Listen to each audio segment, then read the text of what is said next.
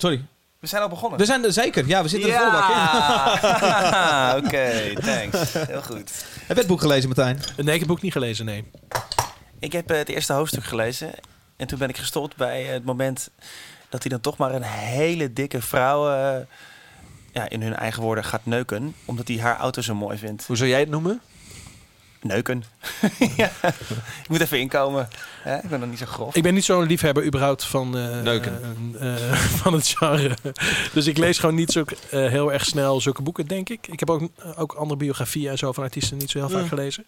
Eh, en ik kijk ook eigenlijk niet zulke films, maar ik zag het voorbij komen en toen dacht ik, weet je wat, ik check het even. Ik heb er ook wel een beetje bij gewerkt. Ik heb niet eh, 100% eh, aandachtig gekeken. Nee. Maar het was al meteen duidelijk, de eerste half uur was nog wel aardig. Het is heel Vermakelijk. Hollywood, hè? Maar het was al vrij snel duidelijk dat het gewoon heel slecht was. En dan niet zozeer, eens zozeer slecht gemaakt. Of helemaal niet het boek. Het schijnt, als je het boek hebt gelezen, dat er natuurlijk altijd heel veel verschil tussen zit. Maar vooral dat het inderdaad heel slecht geacteerd was. En dat viel me ook op. Dat het gewoon echt tenenkrommend was af en toe. Ja. En dus een soort, eh, een beetje USA high school feel die, die ik totaal niet trek. Ja. Eh, daar heb ik helemaal niks mee. En dan, en dan alles een beetje... eh, alles een, een beetje eh, te veel eh karakter... Hoe noem je dat? Eh, Ja, te veel, ja, te- ja, dus te veel de verkeerde dingen vergroot, denk Ja. ik. En die mannetjes niet echt serieus. Terwijl dat toch juist helemaal niet aan de hand was. Ik bedoel, misschien dat ze wel allemaal heel ruig waren, maar ze waren toch wel serieus. Het was toch niet alleen maar lachen, gieren. Ehm, dus nee, volgens mij hoef je hem niet te zien. Ik heb, eh, ik heb me gewoon volle bak overgegeven aan het feit dat dit een, eh, ja, een vermakelijke film zou worden. Ik heb het niet eh, be- beschouwd als. Jij was enthousiast als Ja, ik was heel enthousiast. En ik las het ook terug later. Vet, zei je, zoiets. Ik dacht laat ook, wa- waarom heb ik dit gezegd? Nee, waarom ik, eh, waar ik eh, wel, dan wel een klein beetje enthousiast over was, is dat er in ieder geval iets meer. Dat het iets rauwer was dan de film die over Freddie Mercury is eh, Ja, gemaakt. Want ja, daar frustreer ik me behoorlijk aan. Het feit dat je... Je hebt geen pik of een kont gezien, de hele film niet. En nu Ja. snap ik wel dat dat voor een veel groter publiek interessant moet zijn. Maar ik dacht van, kom op jongens, hij heeft niet voor niks aids opgelopen. En waarom mag je dat dan niet zien, weet je? Dus, dus ik vond dit... Niet Nou- nou, rauw, maar ve- veel slechter geacteerd, mee eens. En ik was gewoon heel blij dat Ramsey Bolton erin zat. Tenminste, de acteur Even die voor de Ramsey duidelijkheid. Bolton, eh, speelt in eh, eh, Game of Thrones natuurlijk. We hebben het over eh, de- het boek The Dirt, wat nu verfilmd is. Een verhaal van Motley Crue, een oude band. En we vloeien automatisch over naar de andere. Want ja, er is een shitload aan banddocumentaires, bandfilms uitgekomen. Daar gaan we het zo meteen eh, uitgebreid over hebben. Eh, als jullie er klaar voor zijn, gaan we deze podcast aftrappen. Ja, lekker man. Oké. What do you do when you're no longer cool now? No longer the singer of the band. But your face is alright for the radio. Go fishing and drinking and listen to the show. This is the soundtrack for tequila. With the sun on your face and your pickup truck. Grab your moonshine and whiskey and fire up that grill. You're listening to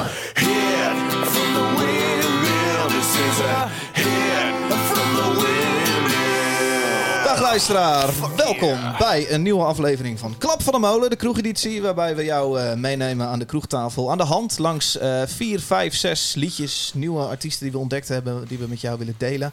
En actualiteiten in de muziek die we spreken, die we willen bespreken. Eh, dat doen we uiteraard eh, met de vaste kroegmannen.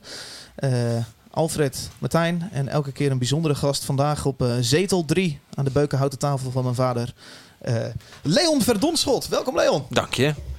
Jou, kennen we, eh, jou kunnen we kennen van echt een hele hoop dingen.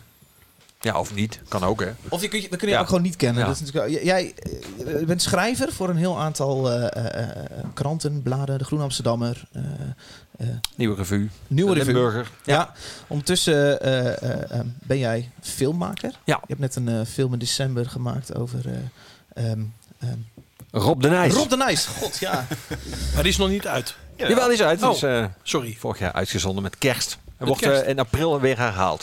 En hij Oké. wordt ook binnenkort in Vlaanderen uitgezonden.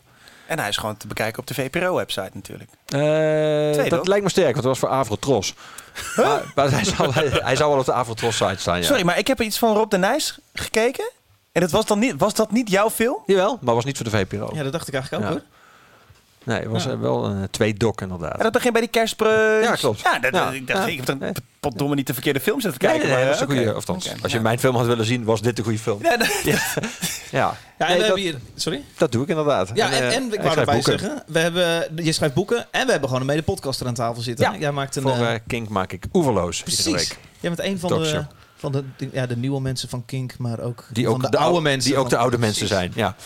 De eerste keer dat ik je volgens mij van je hoorde, kan ik me nog heel goed herinneren. Ik, ik las denk ik een recensie in de Nieuwe Revue. En toen had ik net een plaat gemaakt met Face Tomorrow. En toen zei jij, dat kan ik me nog heel goed herinneren, daar ben ik eh, maanden hard op gegaan. Zei jij, dit is de beste Nederlandse plaat van het jaar. Komma, samen met die van de Spirit Guides. En die had ik ook net gemaakt. dus ik was eh, bijzonder trots, 15 jaar geleden. En terecht. Toen begon het net een beetje met mijn producers carrière.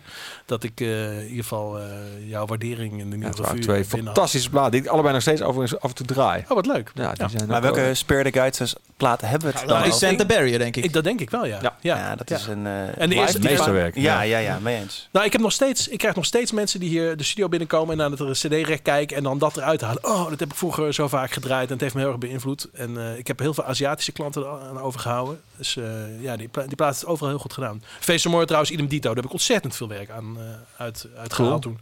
Omdat die plaat ontzettend, ontzettend goed ver- verkocht. Al Maar ook twee hele goede, op een hele andere manier, eh, twee hele goede live bands vond ik. Ja, ja. Ja. Cool. Ik denk dat, dat jullie toen net eh, met John Coffee net waren begonnen. De enige reden waarom wij jou kennen is omdat jij de the Guides hebt opgenomen. Oké, daarom zit ik hier. Hey, eh, ik vind het leuk om onze speciale gasten altijd even voor te stellen. En om lekker een slinger te geven. Vanavond hebben we deze of deze. Maar ik heb vanmiddag gewoon Alfred gebeld. Ik zei, Alf, ik weet gewoon niet hoe ik deze man moet voorstellen. Jij doet vast... Jij, ja, je doet, je doet honderd verschillende dingen. Ja, maar je hebt er nou een paar genoemd, dus wel genoeg toch? Als jij, als jij bij, eh, hoe zeg je dat, een, nieuw- een nieuwe, een nieuwe schoonfamilie aankomt. Of je, je, moet, je moet je voorstellen aan iemand. Hoe, hoe doe je dat dan? Wat zeg je dan wat je doet? Dat zeg ik meestal dat ik eh, sch- schrijver ben. Oké. Ja, want dat is wel alles begonnen en alles wel op voortgebouwd, zeg maar. Ja. En ik, ik, ik zie het eigenlijk ook allemaal al- als varianten op hetzelfde. Ik heb heel veel van, me, van het schrijven heb ik heel veel gehad voor het maken van films en, en van documentaires leer ik wel heel veel voor, voor mijn boeken. Eh, die ik steeds meer beschouw als losse scènes en ja, het, het beïnvloedt elkaar heel erg. Dus het, het eh, ja. En, en krijg je dan, eh, kom je zelf met die dingen of krijg je opdrachten uit vanuit de omroep of vanuit bladen of vanuit een uitgever? Of denk je zelf, hey Rob de Nijs, daar wil ik heel graag... Ja, die had ik zelf bedacht. De meeste dingen wel, maar het komt ook wel eens voor. Maar de meeste dingen gaan dan toch niet door. Dat ik iets op benaderd. Meestal als iets... Bijvoorbeeld mijn laatste twee boeken hebben toevallig heel goed gedaan. Over Luc de Vos en over Rico Verhoeven. Ja, dan weet ik nu al dat als Rico Verhoeven... eh, die, die, stond op één op een gegeven moment... dan komen er vijf aanvragen binnen Ja, ja. voor soortgelijke sportbiografieën. Ja, die heb ik alle vijf niet gedaan. Eh, en dat is, dat is dan vaak eh, dat ik, dat ik het of net niet het idee vind dat helemaal bij mij past. Of ik kom gewoon net niet uit. Of ik ben net met iets anders bezig. Dus vaak, stro- ik vind het wel leuk om mee te denken. En ik, ik ga met iedereen die iets voorstelt, ga ik altijd even koffie drinken. En kan ik ze altijd nog misschien zeggen, nou, het is niks voor mij. Maar misschien kun je met die en die gaan praten. Of misschien kun je bij die uitgeven. Eh, ik vind het sowieso eervol als mensen met een idee komen. Dus ik zeg nooit alleen maar nee. Tenzij, en die heb ik ook elke, nog steeds wel elke maand. De, zeg maar, je hebt, schijnt 1 miljoen mensen in Nederland schijnen, schijnt hebben die zelf met een boek bezig ja, zijn. ja. Maar eh, mijn ervaring is dat 5 miljoen mensen in Nederland vinden dat in hun een boek zit. Eh, daar ga ik niet allemaal koffie mee drinken. Want dan zat ik hier nu niet. Dat was waarschijnlijk aan een mes geregen inmiddels. Want er zitten ook wel mensen bij die, nou ja, laat ik zeggen, een niet al te stabiele indruk maken. Eh, Nou, dus juist wel een goede reden om een boek over iemand te schrijven. dat vinden zij zelf ook, ja. Ja, ja. Ja, het wordt wel des te eervoller dat je hier gewoon bij ons aan de beukenhouten tafel zit in Utrecht. eh. Hey, tof dat jij er bent. Mijn eh, gebruikelijke vraag aan eh, iedereen die aan tafel zit is: wat drink je? Jij zit aan een theetje. Ja, ik drink geen alcohol. Jij drinkt niet. Nee. Ik begreep dat wij ook onze sigaretten moeten verstoppen. Jij bent anti, anti-roken? Ja, ik ben eh, zeer anti-roken, maar het, is, dit wordt zo'n beetje raar als ik in jouw, eh, jouw, in jouw omgeving, in jullie studio, eh, de regels ga bepalen. Ja. kom Maar, maar ik kan je wel vertellen, waarschijnlijk hoor je dit voor het eerst, het is echt heel slecht voor je. Nou, het grappige was vanmiddag, eh, toen zei ik dit tegen David. Ik zeg, ja, eh, eh, Leon is eh, super anti-roken. Dus je gaat hier niet lopen roken. Normaal rook weer altijd. Ja, nee, maar helemaal niet. ik, ik ben jullie gast, dus ik schik me Maar, naar de... maar, maar toen zei David, oh, dat wist ik niet. Terwijl dat, ik vind dat hele gedeelte ook heel erg bij jou passen. Dat je heel actief ehm, dat, dus, want ik weet het blijkbaar, dus dat je dat uit overal, dat je daar zo tegen bent. En eh, ehm, eh, David wist dat blijkbaar niet. En ik, ik vond dat heel erg bij jou passen, net als, bij, net als je schrijven en noem maar op. Dat je daar meningen over hebt Ja. die je verkondigt. Ja, En dan heb je dat... Maar ga gewoon je eigen gang hoor, je eigen omgeving. Oké. Eh, leuk dat jij bent, dat sowieso. hey Martijn, ja, we zitten voor het eerst in het licht in jouw studio. Ja, zomertijd hè? Dit is lekker, man. Dit is verschrikkelijk. Eh, We zitten ondertussen live op YouTube, zoals gebruikelijk sinds een tijdje. Eh het is verschrikkelijk voor de camera's. Eh, maar dit is wel even lekker. Het Eh, nou, het is natuurlijk sowieso lekker dat het eh, licht is. is gewoon heerlijk. Wat En, ben je aan, de- eh, wat ik aan het doen ben. wat ben je aan het doen deze dagen? Ik ben eh, een plaat van Meadow Lake aan het mixen. Oh, Groningse shoegazer. Hebben eh, denk ik een jaar of drie geleden ook een plaat gemaakt. Groningen. Ja, en het die shoegazer is natuurlijk, dat blijft altijd een heel vreemd soort subcultuur. Waar, eh, waar zij dan eh, eh, overal in spelen. Ehm, in het buitenland ook. in, in clubs en op festivals die ik geen eens ken. En ze zijn weer met ongeveer zo'n plaat Is bezig. dat Dus scene, de shoegaze scene? ja, maar dat heeft elke scene toch. Elke scene heeft, oké. heeft, heeft weer zijn eigen festivals en zijn eigen zalen waar je nog nooit van hebt gehoord. Mhm. Eh, zodra je geen doelgroep bent, dan weet je er niks van. Dus als je Ja, daarin ja. verdiept, dan, dan kom je daar in één keer achter. Zo ook bij hun. Nogmaals de naam? Meadow Lake. Meadow Lake. Meadow Lake, Groningen. Oké. Ja. Wat drink jij vanavond? Eh, oh, een eh, zonnesteek. Nou, hoe toepasselijk van, eh, van de streek. Ja. Alfred eh, van Luttekhuizen, links van mij. Welkom in, in de podcast natuurlijk ook. Ja, Standaard eh, gast ook in deze podcast. erg leuk weer. Leuk jou te zien. Ja. Weer. Hoe is het met jou? Het gaat goed. Clipje uitgebracht. Video uitgebracht. Ja, hoe waren de reacties daarop? Oh, oh ja. eh, Begrepen mensen het? Nee, niemand snapt er een reet van. Eh, maar dat, ja, eh, wij, ple- wij plegen een overval. Ik heb een masker van Ronnie Flex op. Ik heb serieus tot de dag van vandaag niet geweten dat jullie een overval pleegden. Ik snap Nee. het vooral gewoon niet zo heel goed wat er nee, gebeurde. nee, maar dat is, uiteindelijk is het helemaal niet erg. Het is gewoon eh 2,5 minuten aan chaos. Ja. En daar hebben we gewoon heel hard om gelachen. En dat was heel fijn. Eh, Magic Tom en eh, die eh, zitten ook in de Ja, dat- video. ja, precies. Dat snapte ik helemaal niet meer toen. Nou, oké, dus dat zijn twee jongens van Orgaanklap. Oké. Ken je misschien nog wel. En die, eh, die hebben een toveract. Dus die doen daadwerkelijk Oh ja. trucs met penissen en poep.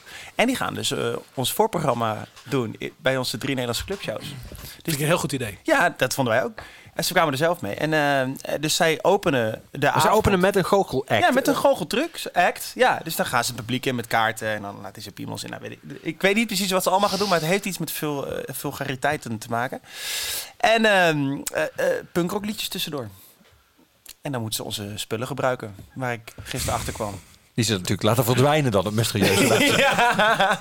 Nee, dus dat was dat in de clip. Dus dat was hartstikke leuk. Eh, Martijn heeft een eh, akoestische hit met ons opgenomen. Ja, Twee weken geleden. uit, ja.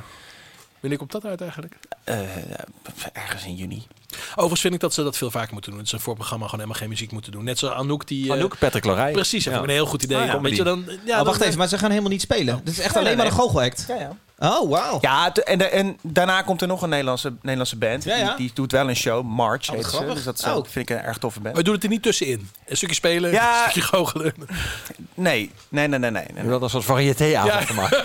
Met alles erop en eraan. Ja, zoals vroeger André van Duin en Ja. de, de Rolling Stones. Dat je echt vier uur vermaakt wordt. Ja, dat is toch vet? Ja, dat kan. Nou, dat is best wel een goed idee eigenlijk. Een variétéavond. Ik heb ooit in België... Ik weet, ik ken wel een schrijver die misschien wel langs wil komen. Ja, zeker. Wordt er gerookt?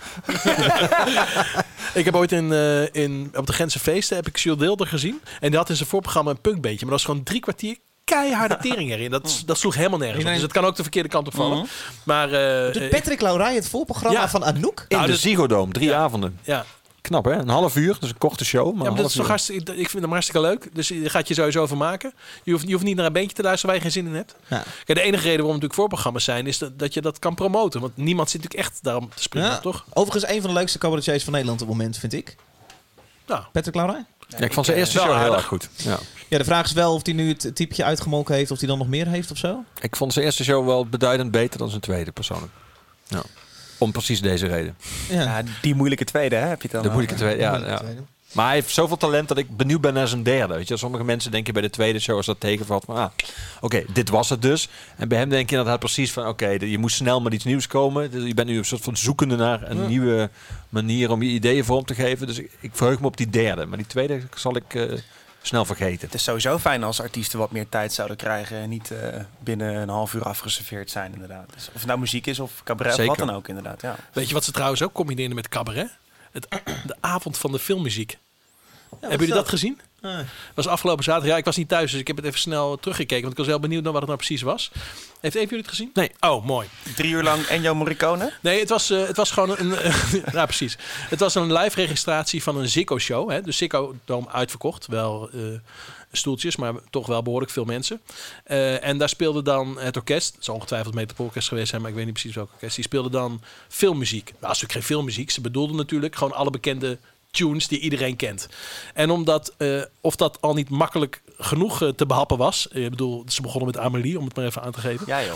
Hoe, eh, hoe afgezaagd we het hebben. Het was een Omdat alfabetische volgorde. ja, ja. Kleine zee meer minder. Eh, omdat, omdat dat nog niet makkelijk genoeg was, combineerden ze dat met cabaret van Peter Pannenkoek. Vind ik prima als je Peter Pannenkoek leuk vindt. Dat is, eh, dat is eh, kwaliteit hoor. Dus eh, als je doelgroep bent, niks aan de hand.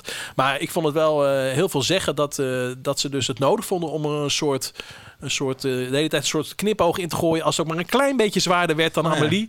Om het eh, zo licht mogelijk te maken op, eh, op een André Rieu niveau. Het was gewoon echt klassiek. Ja, ik wil niet de snop uithangen, maar het was echt klassieke muziek voor kruidvatpubliek en lager.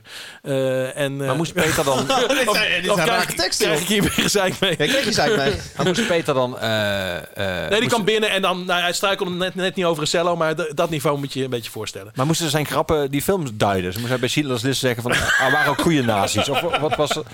Hadden, hadden, hadden die grappen te maken met de film of Ja, niet? maar zo diep ging het geen eens. Zo diep ging het geen eens. Het waren gewoon een beetje voorbedachte 1-2'tjes met wat andere mensen. En, eh Maar je is blijkbaar publiek voor. Dit was nou, uitverkocht. nogal, ja. ja. Een eh, Seeded Ziggo Dome, wat is Het- dat? het zou maar- 10.000? 12. Nou, wel meer denk ik. Ja, Twaalf? 12 jaar. Ja. En, eh, en, eh, en, en, en, en die kijken dan naar een orkest dat speelt. Kijk, eigenlijk wil je natuurlijk in het concertgebouw met goede akoestiek... wil je geen microfoons. En dan heb je, dan heb je gewoon... Het, ik weet niet of je dat wel eens hebt gedaan... maar dat, is echt, dat vind ik echt wel een sensatie. Vooral als je dan naar Mahler gaat bijvoorbeeld. Gewoon even iets lekkers. Eh, maar eh, dit is natuurlijk in de Ziggo Dome moet het worden uitversterkt. Blijf een beetje in die nazi-hoek. Ja, precies, ja. Ja, Ja, dit was snobistisch die je je jasje aan hebt getrokken. ja dit is, ik denk, Ik weet niet wat het is. wat drink je, Alfred? Waarom bij jou? Dit was de voorstelronde eh, nog steeds. Nee, Oh, nee, nee, nee, het is oké. Laat Martijn vooral eh, doorpraten over... Nou, dit is, nee, dit was het wel. Maar het, eh, ehm, eh, nou, zo- blijk- blijkbaar moet je er gewoon van allerlei mayonaise opgooien. Willen Ja, ja, ja, mensen ja. klassieke muziek tot zich nemen? Want nou, het is eigenlijk helemaal geen klassieke muziek. Veel muziek is natuurlijk gewoon popmuziek gespeeld door een orkest meestal. Ja, maar ik probeer me echt voor te stellen... gewoon het profiel van de luisteraar of de Ja, maar het ik ook naar te het maakt zoeken. niet, uit- het maakt niet uit. André. André Rieu of dit, dat maakt niet uit. Want die mensen zijn gewoon een avondje uit. Dus het maakt ze niet zoveel uit of ze nou naar de avonden van de filmmuziek gaan. Dat kennen ze allemaal, als ze maar kennen. Weet je wel? En eigenlijk als ze maar je- gewoon op een ja. gegeven moment zo een beetje door. Maar, dat, maar, maar, dat onder, maar dan vraag ik me af, wat onderscheidt dit publiek dan van het Kensington publiek wat vijf keer naar de Ziggo Dome Nou, gaat? ik, denk heel weinig. Nee. Ik vind eh, persoonlijk Heren van Amstel, Vrienden van Amstel, hoe het ook heet, live vind ik wel in dat opzicht dat, summum. het, het- ja, het, het dieptepunt. Ja, Dat is echt Ik wel. ben er nooit geweest. Eh, Het lijkt me geweldig. Het is heel Genieten, man. Elke ik ben er één keer nieuws. geweest en het is eigenlijk het ultieme muziekfestival eh, voor mensen die niet van muziek houden. Ja, precies. Ja, Ja. heerlijk. gewoon maar Die die... is Dirty Daddies. Gewoon knijten zat, gewoon refreinen mee lallen. Ja, je wordt, en je wordt helemaal murf gebeukt, omdat ze dan twee van die podia hebben. Dus dan, dan is de ene, dan is Guus Meeuwis net klaar. En dan sterft zo'n akkoord uit. Aan de andere kant, hup, Armin van Buren, kaart erin. Maar je kan helemaal niet bijkomen. En ze spelen allemaal drie nummers. Dus ze spelen allemaal hun drie grootste hits. Dus Contractueel verplicht.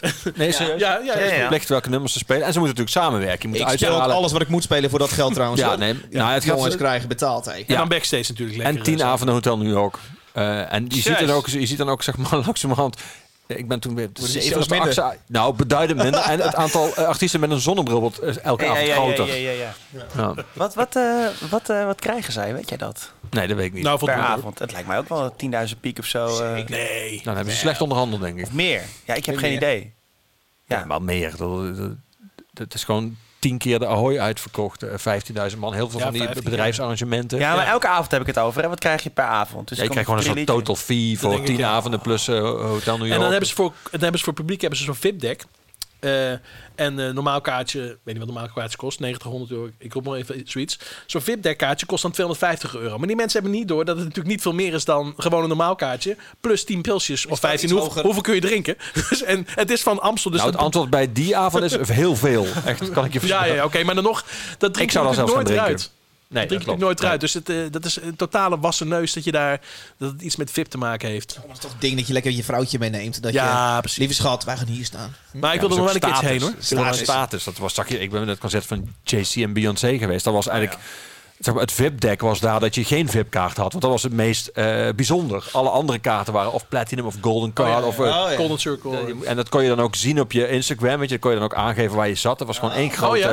ik vond het fantastisch. Alleen maar marketing. Het was een hele goede show. Maar ik vond het fascinerend om te zien hoe, ja, hoe, hoe, hoe anders concertbeleving daar is. Ja. Ja, maar die hele mechanismes bij dat soort grote acts, die zijn, die zijn natuurlijk compleet anders. Ik Ja. bedoel, als je hoort dat bijvoorbeeld een eh, Taylor Swift eh, eh, je voorrang geeft in de kaart, digitale kaartkoperij als je meer merch koopt. Dus hoe meer je Ja. investeert in merch, hoe verder op je, hoe dichterbij je in de rij komt te staan voor het uiteindelijke ticket. Ja. Ja, dat, als het daar al mee begint, weet je wel. En dan, pff, dat, dat is niet leuk even Ja, toch, het, hè, naar de grappig- pul in Uden om even een showtje te gaan bekijken. toch vind ik het grappig, want daar, hebben, daar heb jij dan, en ik ook voor een deel ook, een, een, een viezere smaak mee in je mond. Terwijl op Ja. zichzelf zijn het de mechanismen die ook bij crowdfunding, of bij vroeger bij alle bandjes die do-it-yourself eh, in het motto eh, zeg maar, hoog voerden, ja. die daar ook op lijken. Weet je? Maar die gunfactor heb ik gewoon niet bij Nee, een JC en een Beyoncé. Ik denk dat het is ook dat echt een gevoel hoor. cruciale verschil, ja. Helemaal niet bij Taylor Swift, want ik ben team Katie en niet team Taylor.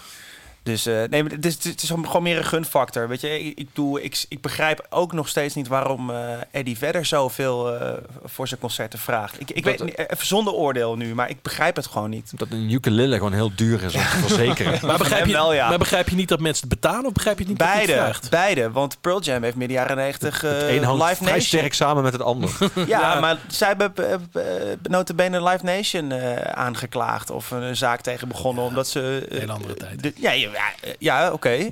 Voor- Maar nog steeds... De, nou, ook een andere persoon dus blijkbaar. Ik vind het scheef. Eh, Ja, goed. Nou, misschien zegt zijn manager, dit gaan we even anders aanpakken. Als jij eh, niet je hele leven nog wil werken, dan gaan we nu even Wat? Europa en... eh, Ik grijp in. 21ste eeuw nog Eh, nooit hoeven werken. ik heb Alfred, trouw- ik wat heb drink je? oh. Ik drink een Playground Ah, van oké. de streek, Oh, zoals eh, ja? altijd. Ja, ik heb een eh, sabbatical van de drank. Ik heb trouwens niks tegen Kenston, hè? Dat, eh, dat Ja, ook ik was net even vervelend voor me. nee, ik niks morgen weer gebeld. Laten we, laten we godsnaam even muziek luisteren. Dit is luistert, meegenomen door eh, Leon. Dankjewel, Leon.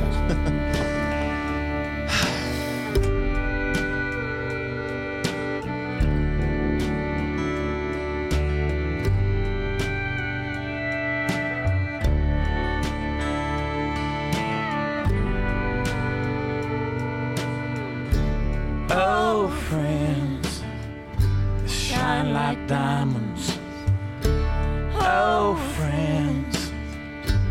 Always call. Oh, friends, Lord, you can't buy 'em. You it's old friends after all.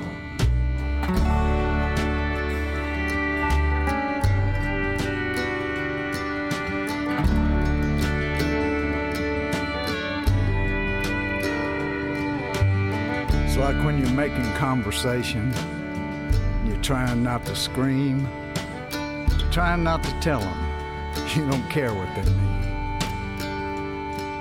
Yeah, and you're feeling really fragile. You really can't get home. You really feel abandoned, but you want to be alone. Oh, friends, shine like diamonds. Oh, friends,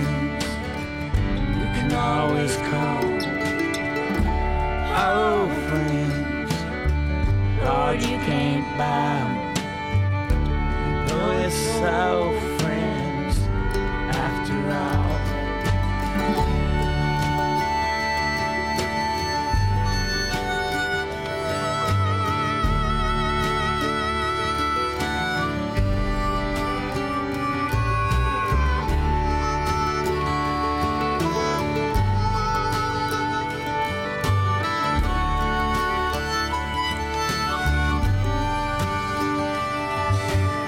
Steve Earl, When the house Old Friends.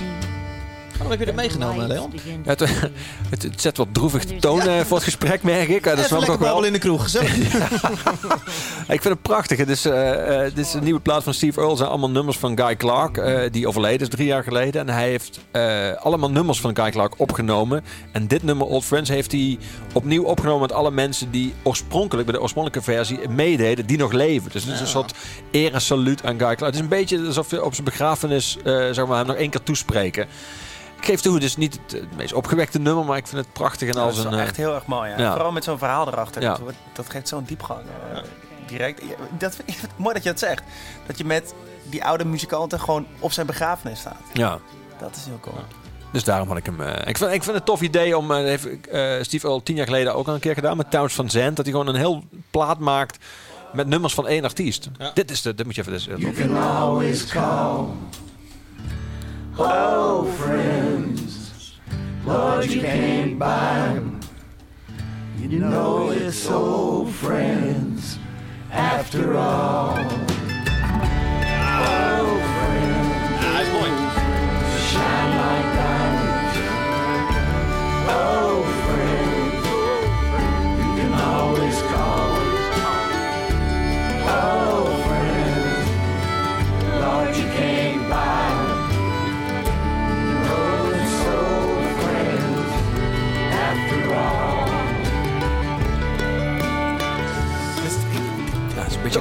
Een soort begrafenis gospel wordt het hier. Dat vind ik zo mooi. Ja. En ook mooi dat je een soort van ode aan iemand verpakt in een ode aan vriendschap. Die nou wordt gezongen door je oude vrienden. Ja, dat, ik ben daar vrij eh, gevoelig voor dat, eh, Ja. dat allemaal samenvalt. Wat mij opvalt is, de, de, is het samenwerking tussen al die artiesten. hè. We hebben het hier wel eens eerder gehad over de samenwerking die tussen hip-hop artiesten bestaat. Iedereen die, eh, die featuret elkaar, maar op Spotify, pap, pap, pap, één groot ding. En dat, het gemis eigenlijk in de, de pop eh, scene, dat dat eigenlijk helemaal niet gebeurt. Hè? Een bandje met een ander bandje Het samenwerken. gebeurt vooral in subculturen, denk ik. Eh, In Ja, hip-hop, in de Amerikanen, zoals hier. De dus ook, hardcore, ja. en de punk. eh, maar er is natuurlijk ook meer een soort gevoel van. Ja, weet ik veel. eh, van, ook van broederschap misschien, maar ook van eh, verwantschap en ook van eh, historie. Eh, Die bands hebben vaak, weet je, die, die, die kennen elkaar uit, een, uit- live shows van festivals. Ze zijn vaak, hebben vaak het ook van dezelfde weg afgelegd. Terwijl, ja, als jij gewoon een popband bent die opeens getekend wordt en eh, ja, met wie, met wie moet je dan verwant voelen? Met een andere band die opeens een major contract krijgt en dan ja, Ja, nee, maar als Volgens mij je, is daar veel minder een heel gevoelsleven achter. Dus ja, maar als je het op Nederlands niveau bekijkt, ik bedoel, ik ken weinig, eh, nou, als we even bij bands houden, weinig bands die in één keer getekend worden en in één keer zo'n status hebben, weet je wel. Ik bedoel, eh, we zijn, het is allemaal zo klein hier. Ik bedoel, eh, we hebben nu eh, de HBA waar zoveel bands vanaf komen, dat geeft al een behoorlijke band, weet je wel. Maar toch zie je tussen muziekstijlen zie je daar zo'n onderscheid in, waar het in de hip-hop wel dan wel heel erg gebeurt en in de, de gitaarbands dan toch weer een stuk minder. Ja, dat is waar. Het grappige vind ik dat in hip-hop, waar zeg maar dat gebeurt aan de ene kant. En aan de andere kant diss tracks en elkaar juist eh, afzeiken. Ook hoort Ja. tot soort van verkoren van het, van, het- van het genre. En dat is een rock bijna niet. Je hebt bijna nooit een diss track van de ene rockzanger die de andere rockzanger afzeikt. Ook twijfel als we nu gaan graven in ons geheugen, Hij kan graaf hoor. komen we er een paar tegen. Maar Ja, Limp Bizkit en Korn die hadden hun uh, fitty midden jaren 90. Maar volgens mij was die gespeeld. zoals eigenlijk alles bij Limp Bizkit. Maar hip-hop leent zich natuurlijk uitermate goed ook Ja, voor. dus ik om- hoop dat verbaal iemand veel meer Ja, om nog eens even iemand uit te nodigen voor een refreintje.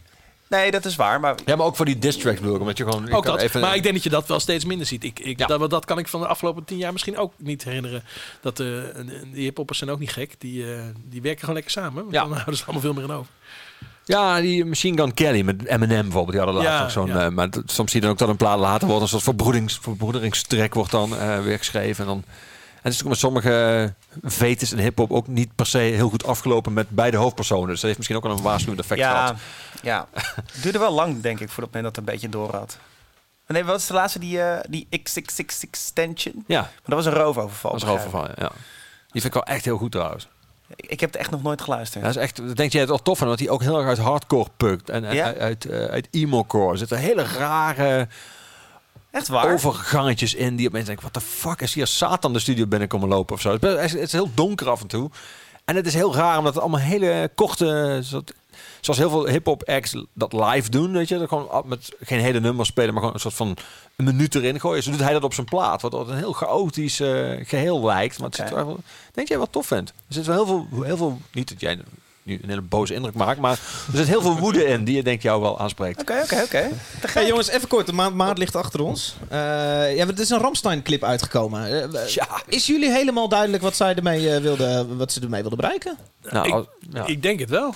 Ik, ik denk dat het, het is. Ik vond het, ik vond het een waanzinnige clip. Het zag er ontzettend mooi uit. Zo. Het was echt fantastisch gedaan. Echt gebeurt heel veel. niet op een eurotje gekeken. Nee, ik denk dat het budget wel... eh, ja.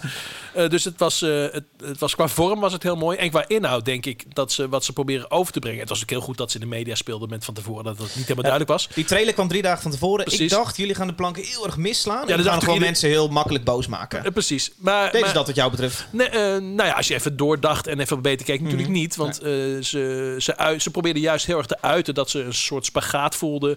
Tussen aan de ene kant de liefde van Duitsland, wat ze naar buiten willen brengen. En dat ze ook wel aanvoelen dat er natuurlijk in het verleden een hoop dingen niet helemaal goed zijn gegaan. En nu misschien ook niet. En hoe, en hoe je daarmee omgaat. En ik vond, ik vond juist eh, heel goed dat zo'n band die een beetje het imago heeft dat het een beetje botte gespierde boeren zijn die, eh, die, eh, die altijd hetzelfde doen trouwens. Dat ze hersens laten zien. en dat ze toch ergens over nadenken.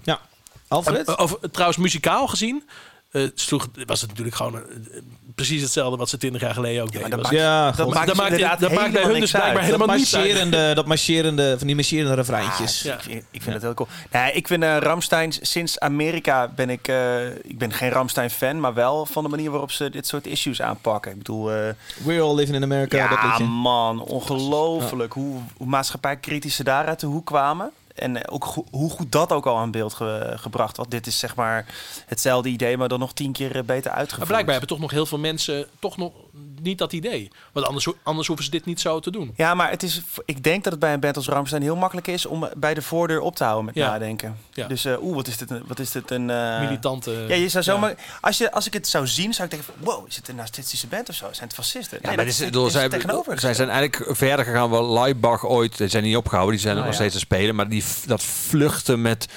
totalitaire symbolen hebben zij, vind ik, echt tot in de perfectie ongeveer eh, doorgetrokken. En Ja. ook met een aanmerkelijk minder budget. Want als je nu een Leibach ziet, is het een soort van Peppy en Kokkie versie van, eh van Ramstein. En wat hier heel erg heeft gespeeld, volgens mij, is dat de eerste zes seconden die werden vrijgegeven, Ja. die clip, waren precies het moment dat zij dan, zeg maar, ter dood veroordeeld zijn. En dat ook Joodster sterren op, zichtbaar ja. was. Ja, en als je dan, bedoel, als je die alleen maar, nou, dat is natuurlijk bewust gedaan, eh, als je die alleen maar vrijgeeft en je gaat dan als krant een paar organisaties bellen van oorlogsslachtoffers, Ja. en Joodse, ja, dan weet je precies wat je krijgt. En Ja. dat, dat is dus ook wat je kreeg. Wat ik interessant vind is dat na de eerste rel in tweede instantie, vooral online Duitsland, heel veel gedebatteerd wordt over, oké, maar wat willen we nou met die clip vertellen? En wat is de verhouding van ons met ons eh, land? En eh, hoe besmet is vaderlandsliefde in dit land eigenlijk? En is dat inmiddels aan het veranderen? Dus het is ook nog gelukt om eerst een rel te veroorzaken. Want dat is volgens mij ook wel de bedoeling. Ja. En in tweede instantie een maatschappelijk debat. eh, terwijl ik heel grappig vind. Ik vind het een geweldig nummer. Maar het is... bedoel, eh, Textueel gezien schreef hij in het begin best wel poëtische teksten. En nu zijn, als je een soort grabbelton hebt van een paar woorden, Ja. daar, daar- alleen ins gezicht zit hier niet in. Wat normaal in ieder eh Ramstein nummer zit. Dus hebben gewoon weer al die woorden bij elkaar geplakt. Maar ja, het, werkt, het, het klinkt ook gewoon. Weet je, de, qua productie, ik kan me voorstellen voor jou. eh, het, het, het, Zeker. Het is zo dik Nou, ze- die, opgenomen. die plaat eh, America, de, dat bestaat, die hebben ze zelf geproduceerd. Dat vind ik ook tevens de minste. Toen dachten ze, nu gaan we alles zelf doen. En daarna zijn ze, geloof ik, weer zo verstandig geweest om meer andere mensen dat te laten produceren. Maar dit, het appelleert natuurlijk heel erg aan een bepaald gevoel. Het is een genre aan zich. Dat is natuurlijk heel gaaf als je dat voor elkaar krijgt. Ja, het klinkt natuurlijk waanzinnig. Alleen, als ik sec kijk naar die song, dan denk ik, ja, deze song had ook drie platen geleden ergens op kunnen staan. Ja, maar ik vind die Dus keuzes vind- wel te verantwoorden. Ik bedoel, als je, het is tien jaar geleden toch? Dat ze het het voor het nog- hebben Het uitgebracht. was, het was nog Nou, toffer iets minder, geweest maar wel als- lang. het Zes was- of zo. ja, nou ja, goed. Maar het was misschien nog toffer geweest als ze daar, daar ook nog eens een keer een volgende stap in hadden gemaakt. Maar goed, ik vind het niet noodzakelijk. hoor. Ik ga het toch niet draaien, maar ik vind het gewoon als eh, statement. ja, zelf. dat is live Maar marketing geslaagd, credibility behouden. Ja, Ik Ja. vind hoe eh, Germania daar wordt, neerget, wordt geportretteerd door die vrouw. Wauw. Ja, dat is heel goed gedaan. Actrice ook. hè. Ik ben ook wel benieuwd naar de nieuwe show. Of ze daar heel veel. Want ik vind een show altijd wel. Ik, ik, ik hoorde laatst van een, eh, eh, een popzaal. Die hadden een Ramstein coverband geboekt. Wel een van de grotere in het genre. Die kostte inmiddels 10.000 euro. Wauw. Dus die band is zo groot dat de bands die hun nadoen inmiddels gewoon al dat soort gages kunnen vragen. Hey, deze week, eh, ja, toch even. Ik zag dat mensen erbij stilstonden. Kurt Cobain, 25 jaar geleden dat hij overleden is. Ik kan me nog goed herinneren. Is dat nog iets waar jullie iets mee doen? Of eh, Ik was negen jaar oud. Ik had geen idee. joh. dingen Eh, georganiseerd? Nee, ik, ik, ik kan me heel goed herinneren. Ik was, eh, eh, vroeger ging ik altijd naar de Rock Night in de bovenzaal Tivoli. Eh, de Thai heette dat geloof ik. Daar had je vrijdagavond Rock Night. Ja, de oude spiegelbar daar. Ja, precies. ja, precies. En er was vrijdagavond, draaiden ze alleen maar eh, rockmuziek. En toen was ik er toevallig. En toen, eh, toen hoorde ik dat. Ehm, Dat hij overleden, dat Ja. hij zichzelf... eh, ja, dus ik weet niet of dat gebruikt. misschien niet donderdag was of die vrijdag, dat weet ik eigenlijk helemaal niet. Maar toen hoorde ik het in ieder geval eh, eh, voor het eerst. Ja, toen kreeg je nieuws toch iets minder snel. eh, Ja, volgens mij zat er zelfs een vertraging toen tussen de dood en doodsoorzaak. Ik kan Ja. me herinneren dat dat even onduidelijk was toen. Goh. Wat nou precies de doodsoorzaak was. Toen was jij 35. David, dit kun je niet maken. Ik was 22. Jeetje, nou ja, god. eh, ik, denk, ik, denk, ik wil het in ieder geval even genoemd hebben. Ehm, eh, waar, waar, waar was jij? eh? Ik was in uh, Urgemond bij mijn toenmalig vriendinnetje en ik sloeg de krant open. En haar vader kende Kurt Cobain niet. En wij waren wel echt verslagen, want we hadden Nevermind heel veel gedraaid. Ah, ja, ja. Ik was altijd iets meer nog steeds van, eh, van Pearl Jam. eh, eh, maar ja, het, het- door- voor mij is Nirvana wel het begin geweest. Denk ik voor heel veel mensen. Dus het is voorkomen origineel dit. Maar voor mij persoonlijk is hij het omslagpunt geweest van een meer mainstream muzieksmaak naar een ook alternatieve muzieksmaak. Ja, ja. Dat Ja, maar wel dat, dat, was het ook, dat was het ook echt. Want we zijn, ik denk, ongeveer even oud. Jij bent iets jonger volgens mij. 45. Ja, dus we schelen dan twee jaar. Maar ik, ik kan me inderdaad ook herinneren dat daarvoor luisterde ik zeg maar naar Level 42 en vond niemand dat erg. En vanaf dat moment, ja, ik had natuurlijk de ruige muziek al een beetje ontdekt. Dus ik luisterde wel naar wat, wat ruige dingen. Maar eh, inderdaad met Pearl Jam en met eh, Nirvana. En daarna nog natuurlijk een hele zwik van zulke beetjes die erachteraan kwam. Het was wel eh, in één keer een andere tijd. Vanaf Nevermind dacht jij, wat heeft die Mark King zijn bas toch hoog? die, die, die kan ik op het schoolplein niet meer eh aankomen. de popronde selectie eh, wordt langzaam gemaakt. Je hebt Ja, een biertje daar- met daar lust ik wel een biertje. Een, Wel, eh, een ja, zonnesteek erbij? of, Nee, ik wil die andere even. Oh, god. Uh, daarop Ja, die. Ja. Van mij een eh, playground, eh, Dave. Playground. Ja, de, de, de popronde selectie begint langzaam vorm te krijgen. Uh, jij werkt daarin mee, eh, Martijn? Nou ja, eh, net als eh, volgens mij 150 andere Ja. eh, mensen die, die, eh, die dan de muziek gaan luisteren en dan hun voorkeur uit gaan spreken. Ik weet niet of jij daar, doe jij daar ook aan mee? Nee, nee. Oh, nou Ja, ja, natuurlijk maar vorige keer even dat- over gehad. Dat had zomaar gekund. Ik bedoel, het is een beetje eh, Ja. de doorsnee, denk ik. Dus het zijn de producers, maar heel veel mensen uit de media, Ja. DJ's, eh, boekers. Jij hebt deze week je lijstje doorgewerkt. Ja, Zit daar dan wat tussen? ik ach, eh, ik Nou- weet niet, 100 namen, hoeveel werk je dan weg? Zo. Nee, niet 100 namen. Nee, ik doe volgens mij drie categorieën van denk ik 20 inzendingen of zo. Of vier categorieën. Dus nou wel 80 trouwens. 80 dan. En dat doe ik ook niet op één dag hoor, want het is ontzettend vermoeiend. En eh, ik, krijg, ik, heb er, ik heb er vrij snel schoon genoeg van. Even, hoe Eh, luister jij? Je zet een liedje aan. Ja, ik dan zet, ik zet een liedje aan. Als Let je refreintje? als, nee, ja, nee, als, ik het, eh, als ik al meteen denk, nee, dit, dit, dit vind ik niks. Dat, dat, dat hoor je meestal wel echt na een paar seconden al. En dan zet ik het niet na een paar seconden af. Oh, hier het belang van een goed intro. Zeker. Eh, eh, en ik zet ook heel vaak zet ik hem halverwege bij het refrein op. Want eh, dan wil ik even weten hoe dat dan is. Als het wel goed is, dan luister ik meestal wat verder. Eh, en dan luister ik meestal ook nog wel een tweede nummer. Ook wat verder. Eh, en dan bepaal ik, eh, vind ik het beter of slechter dan het vorige wat ik heb gehoord. Want je moet uiteindelijk moet je van die 20, 25 songs... Nou, misschien zijn het wel 30 trouwens. Moet je de 10 aangeven die dan die voorkeur... eh, de Wa- voorkeur waar let, jij, let jij meestal productie in eerste instantie? Helemaal kan ik me voorstellen van een producer. Nee, dat heeft ook geen enkele zin, want het is zo verschillend. Let jij op eh, de Engelse uitspraak? Let jij op de, de, de, de, de hoeks in het refreintje? Waar, Nou, waar- waar ik, let jij ik, op? ik luister in eerste instantie naar de songs. Dus of ik dat aantrekkelijk vind en of, of er tof ideeën in zitten. En of het nou perfect is uitgevoerd, vind ik wel echt minder belangrijk. Mhm. maar, maar wel of er een aantal originele ideeën zitten. En er, waren, ja, er zijn altijd een paar dingen dat je denkt: wow, dat ik, dit, dat ik hier nog nooit van heb gehoord. Dan komt het zelfs uit Utrecht, dat heb je ook nog wel eens. Oh ja, de, ja. Dat ik denk, eh, ik heb blijkbaar weer niet oplopen letten. Of ik ben een paar keer niet naar de beest geweest. Ik weet niet. Maar in ieder geval is me niet opgevallen. Ja. Maar ehm, er zitten ook heel veel ontzettende uitgekoude dingen bij. Waar ik dan niks mee heb. Ja, die zullen misschien dan weer door andere mensen worden uitgekozen. Er, er werken zoveel mensen aan mee. Dat, dat, dat je, je eigen inbreng is natuurlijk eh nihil. Eh, die, sorry, je invloed is nihil. Ja. Dus eh, kijk, ik kan wel iets eh, mooi vinden wat iemand anders niet mooi vindt. Maar als heel veel mensen dat niet mooi vinden, dan heeft dat geen enkele zin. Daarbij kan ik me ook nog wel voorstellen dat eh, de organisatie van de popronde ook nog wel een flinke stem erin heeft. Want die organiseren het natuurlijk. Ja. Het, is, het, is, het is van hun. Dus dat heb ik gedaan. Maar ik dacht dus dat jullie dat ook gingen Ja, doen. ik heb Ja. dus zeven categorieën aangeklikt. En, Zo, eh, Dat dus- moet je niet doen, nee. Nee, ik was wel... Dat is, eerste jaar, hè? Oh, Voor het eerst uitgenodigd. Dat je nog tijd hiervoor had. Tussen Nou, ik heb dus- van 2000 nummers. door. 140 nummers geluisterd dus, ik, heb, ik heb dus nog helemaal niets geluisterd. Ik had, eh, Volgende week is de deadline. ik had Chris van de Popronde beloofd dat ik het eh, dit weekend zou doen. Niet gelukt. En toen had ik een, drankpauze pauze. Dus eh, dat ging even mis zaterdagnacht. Oh, op die manier. dus ik, het, ik ga dat deze week doen. En ik hoop, ik hoop dat ik wat, wat tegenkom. Ik bedoel, die ervaring die jij net beschrijft van eh, dat je iets hoort en zegt van wow, die heb ik echt nog nooit van gehoord. Het is lang geleden dat ik dat echt gevoeld heb. Het is nog nooit voorgekomen dat ik dacht, hey, ga ik meteen even eh, achteraan bellen. Eh, van, eh, moeten we niet iets samen Oké, een disclaimer. Dat, dat is nog niet gebeurd. Hm. Hm, De afgelopen jaren. Maar wel dingen die ik heel tof vond hoor. Ehm, maar ja, uiteindelijk dan eh, wat wordt uitgekozen, dat staat daar dan weer eh, een beetje los van. heb je ook wel eens dingen gehoord dat oh, oké, nou, wel aardig. En dat je dan twee à drie jaar later mensen denkt, oh fuck, dat was dat bandje Nou, van toen. Dat is wel jammer dat ik dan gewoon daar niet zo goed geheugen voor heb. Want dat zou, zou zomaar eens kunnen. Ehm eh, want ik probeer altijd wel te kijken. Dat, Je had Kensington kunnen tekenen zeggen, of kunnen produceren. Ja, dat had gekund. Nou, je Ehm, hebt een van die eerste... Nou, ja. ja, ik heb de eerste plaat gedaan. Ja, precies. ik heb zo ooit ontdekt. Niet helemaal, helemaal niet ontdekt. Ken ik had die plaat van de Spear the Guides eens gegooid. Toen zijn ze meteen naar mijn tuin gerend. Nee, ik was gewoon go- Je hebt zo'n nieuwe functie in Gmail. Dan kun je zo een mailtje snoezen. Dat is nieuw. Heb je dat gezien? Nee? nee. Ik snoes dus al een maand dat mailtje van die popronde eh, selectie meedoen ding. Dus ik ben al een maand... Maar je kunt toch ook gewoon... Een- ik dat hij om de negen minuten weer afgaat dan. Ja, ja. Dus om de negen dagen eh, komt hij weer als ongelezen mail binnen in je, in je mailbox. Ja. Goede functie. Maar je moet helemaal geen Gmail gebruiken. Goed. Eh, Heel onverstandig. volgende week Records Today. Ja, ik wilde hem toch even aantikken. Doe jij dan nog iets mee met Tusky? Is dat Ja, we spelen één showtje in de Velvet in eh, Dordrecht. Maar dat komt meer akoestisch in een zaakje, weet je, Nee, awkward. joh. Nee, Mensen op een meter afstand. full blown gek. Oh, echt? Ja joh, gitaartje, rammen. De Velvet. Ze Ja, nee, en het komt meer omdat... eh, hebben altijd zo'n barbecue achter de Ja. Rob, Ja, Rob de tostimaker. Dus eh, we gaan daar gewoon de hele dag een beetje hangen. Ja. Eh, ja, meer niet. En ik eh, begreep dat eh, ambassadeurs eh, de staat eh, DJ-sets sets doen. Oké, verstandig. Is Ja. Oké. Ja, dat snap ik ook wel. Ik zou, eh, als ik de staat was, ook niet eh, daar in een eh, cd-zaak gaan spelen... terwijl ik net de AFAS heb uitverkocht. Van, nee.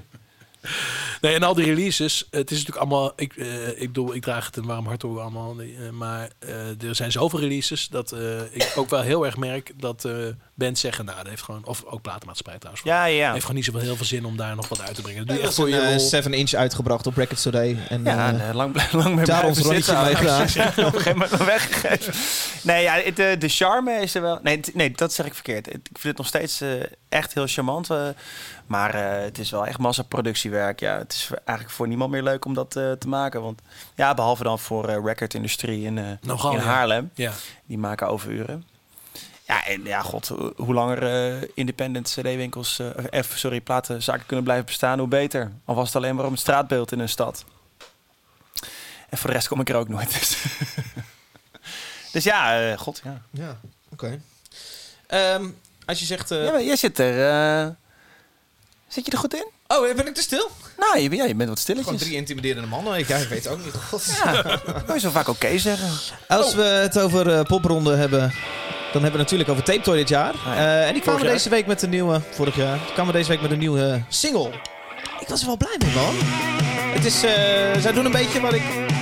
Ik ben altijd bang dat er, dan, dat er dan veel te doen is rond de band... en dat je dan volgens nooit meer iets van ze hoort of zo. Eh, zij bewijzen het tegendeel deze week. ben ik ben niet zo bang voor. nee. lang niet. Volgens mij gaat het wel goed komen. Super goed. Laten we even luisteren. Dit is eh, een nieuwe single Dive Deeper. Eh Tape Toy.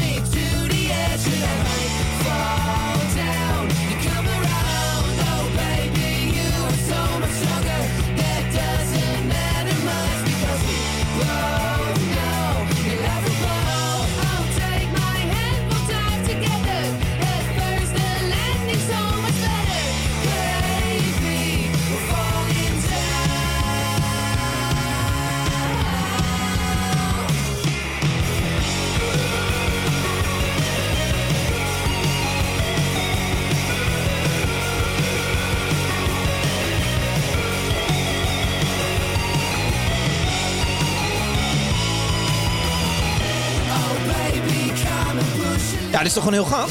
Ik vind het heel tof. Gezien op popronde toevallig? Nee, eh, ze speelden toen wij eh, Kink bekend maakten. Speel- Op eh, Noorderslag eh, speelden ze een paar nummers. Ik vond het heel tof dat was een live. feestje op popronde. Of eh, op, eh op ja, Noorderslag. ze het bekend maken voor de pers, maar ook met live muziek erbij. Daar waren zij. Ik vond ze toen al heel erg leuk. Ik vind het een heel leuk nummer. Ja, toffe band. Goede live energie ook. Ja. Ja. Ja, ik heb me nog nooit verveeld bij hun eh, optredens. Ik heb de, de popronde wel vaak gezien. Of deze vaak, een stuk of vijf keer denk ik. En het was altijd goed. Hele goede energie. En eh, ja, het moet nog een beetje groeien. Ze moeten ook niet... Het mag nog maar ietsje cooler, misschien ietsje stoerder. In de zin dat ze niet te vaak naar elkaar moeten kijken. En zo, daar hou ik niet zo van. Oké. Maar eh, eh, Ze mogen wat kilometers maken dit, Ja, jaar, dit jaar. ja. Ja, ik heb ze dus nog niet live gezien. Dus als... Echt niet? Nee. jij is Ja, niet te zelf. missen, zou je zeggen. Hè? Niet te missen, zou je zeggen. Maar, ja, ik heb, het, ik heb het nog niet gezien. Dus ik, van wat ik hoor ben ik iets sceptischer dan, eh, dan jullie. En het is niet dat ik het slecht vind. Ik vind het, eh, ik vind het trouwens wel hun beste liedje ook. Van de, van de drie singles die ze hebben uitgebracht. Ja. Het, ja, eh, ik hoop het dat, eh, dat dit eh, heel tof wordt. Vaak, is- ik, ik weet niet hoe bij jullie is, maar mij scheelt het heel erg als ik een band live heb gezien. En dat, dat, dat, Ja, dat, ja. dat, dat stuurt heel erg wat erna komt. Maar Ja. In beide kanten. Zeg maar, als ik een band heel erg van tegenvallen live, dan is het Mhm. een soort van is er wel iets duurzaam kapot gemaakt. Ja, ja, ja. En andersom is dat duurzaam iets opgebloeid. En dat Nee, maar dat denk ik ook. Ja, ja. Ik heb dat met veel jonge beentjes. Ja, dat, dan zie ik het hey, oké. Dus dan valt het kwartje wel of zo, ja. Ik moet het maar eens gaan bezoeken. Binnenkort. Hm. Ergens. Eh, jongens, het Songfestival. Het eh, komt eraan. Ja. Ja, we gaan wel van de ene uit naar de andere. Eh, ja, het liedje is daar. We zijn eh Het is nummer... toch al heel lang? Want ik- ja, nou ja, we doen het maar één keer per maand, hè? Dus dan, ja. oh ja, sorry. Eh, op nummer 1 in de, in de, door de boekies. Ons, ons Ja, liedje. wanneer, is dat voor de ons laat- Duncan. wanneer is dat voor de laatste keer gebeurd? Ja, zeg het maar, eh, Martijn. Ik weet het niet. Ik denk bij Dingedong. nee, ik weet niet of ze toen ook al eh, lijsten hadden. Toen was het allemaal wel wat onschuldiger volgens mij. Ik kan me niet zo heel goed meer herinneren. Maar eh, ik kan me niet herinneren dat Nederland ooit zo ontzettend gehyped is. Door, Nou. door, de, door de boekmakers. Leon, is dit iets wat jij volgt? Is het iets wat je kijkt? Nee, ik kijk dan sowieso niet naar. Maar Oh. ik, vind, eh, ik ben één keer daar geweest met Anouk samen voor een reportage.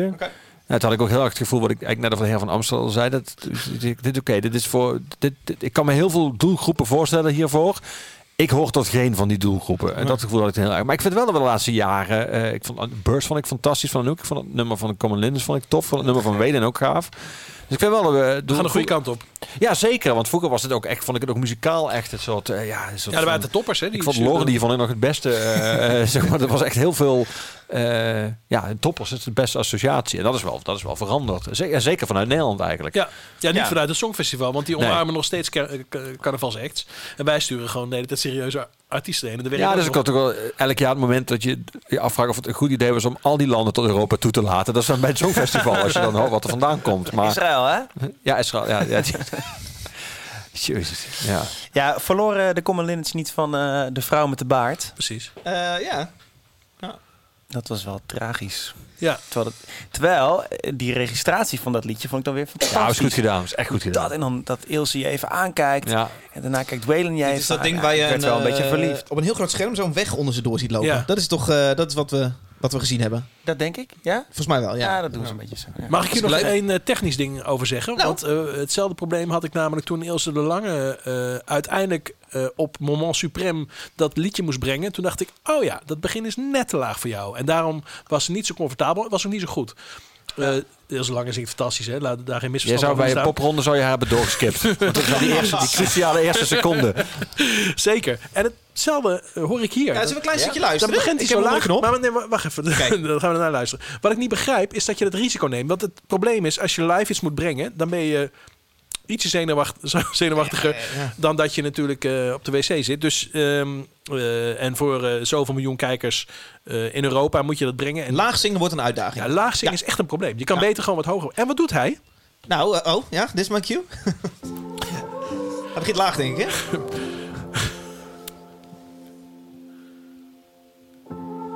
Hier doet hij toch een kopstem, geloof ik nu.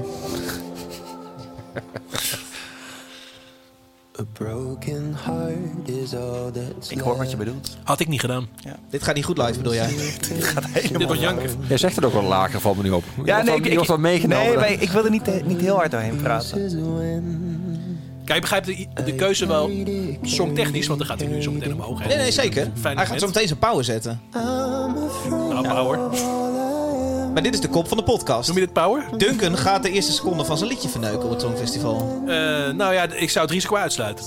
Ja, Dus wat moet maar hij je doen kunt, dan? hij kunt prima nog even twee nootjes omhoog, hè? Maar is dit niet Alsnog. veel moeilijker wat hij hier doet? Nou, nou, vooral, ja, vooral- ja, daar moet je ook niet mee beginnen, nee. Nee. Maar goed, dan heeft hij al een completje erop zitten. Nou, maar dit doet hij de rest van de song, dus dit ligt hem blijkbaar goed. Nou ja, maar dit kopstemmetje, doe dit ook maar eens met een eh, hartslag van 110. Jij wilt toch na die avond van de filmmuziek, wil je gewoon alleen maar muziek, instrumentale muziek. En Peter Pannenkoek. Ik denk ook wel dat het zo hoog staat omdat het deze kwaliteiten heeft natuurlijk. Als het heel middelmatig was geweest qua zang in dezelfde regio, was het misschien niet zo hoog geëindigd bij de boek. Mag je, je mag niet meer playbacken tegenwoordig, hè? Anders had hij dit gewoon moeten playbacken Nou, natuurlijk. je mag geen live instrumenten meer spelen, dat is wel jammer. Oké, ja, oké. Klein stukje nog? Kijk, ik kijk het Songfestival als een voetbalwedstrijd. Ik nodig wat mensen uit. Lekkere hapjes, lekkere drankjes, beetje schreeuw erbij. Ja. En dan met z'n allen lekker meedoen. En ik vind het gewoon een gezellige... eh, ik heb ook niks met voetbal en ik heb ook niks met het Songfestival. Maar ik hou gewoon van gezellige dingen met gezellige mensen. Vorige en keer dit is zat een ik in hele het goede... buitenland, nodigde jij mij uit. Precies, Daar dat is baalde ik heel erg van. Ja, waarom een hele grote groep was super gezellig. Even kijken, 14 en 18 mei is het Songfestival eh, dit jaar. eh, Ik heb het in mijn agenda gezet. Zijn we welkom? Ook Alfred en Leon? Tuurlijk. Oké. Ik ben er niet. Doe je dan beide avonden? Of alleen de avond van Nederland? is het? Nee, alleen de laatste avond. Oké. Jammer, ik ben er niet. Het was wel gezellig geweest. Volgende keer. Volgende, het is elk jaar, hè? Ik kan niet. Ik weet nog niet waarom, maar ik kan niet. Ligt niet aan jou, Martijn. Eh, ik zit even te kijken hoor. Verder zijn er eh, vragen binnengekomen.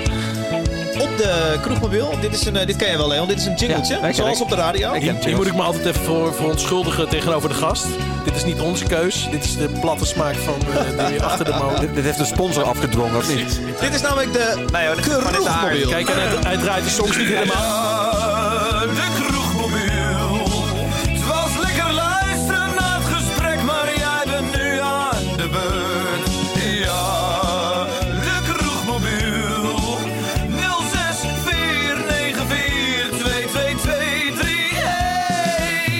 Bij gebrek aan eh, jinglemakers ook zelf ingezongen. Ja, god. Niet te laag overigens. Niet te laag begonnen, nee. Goeie.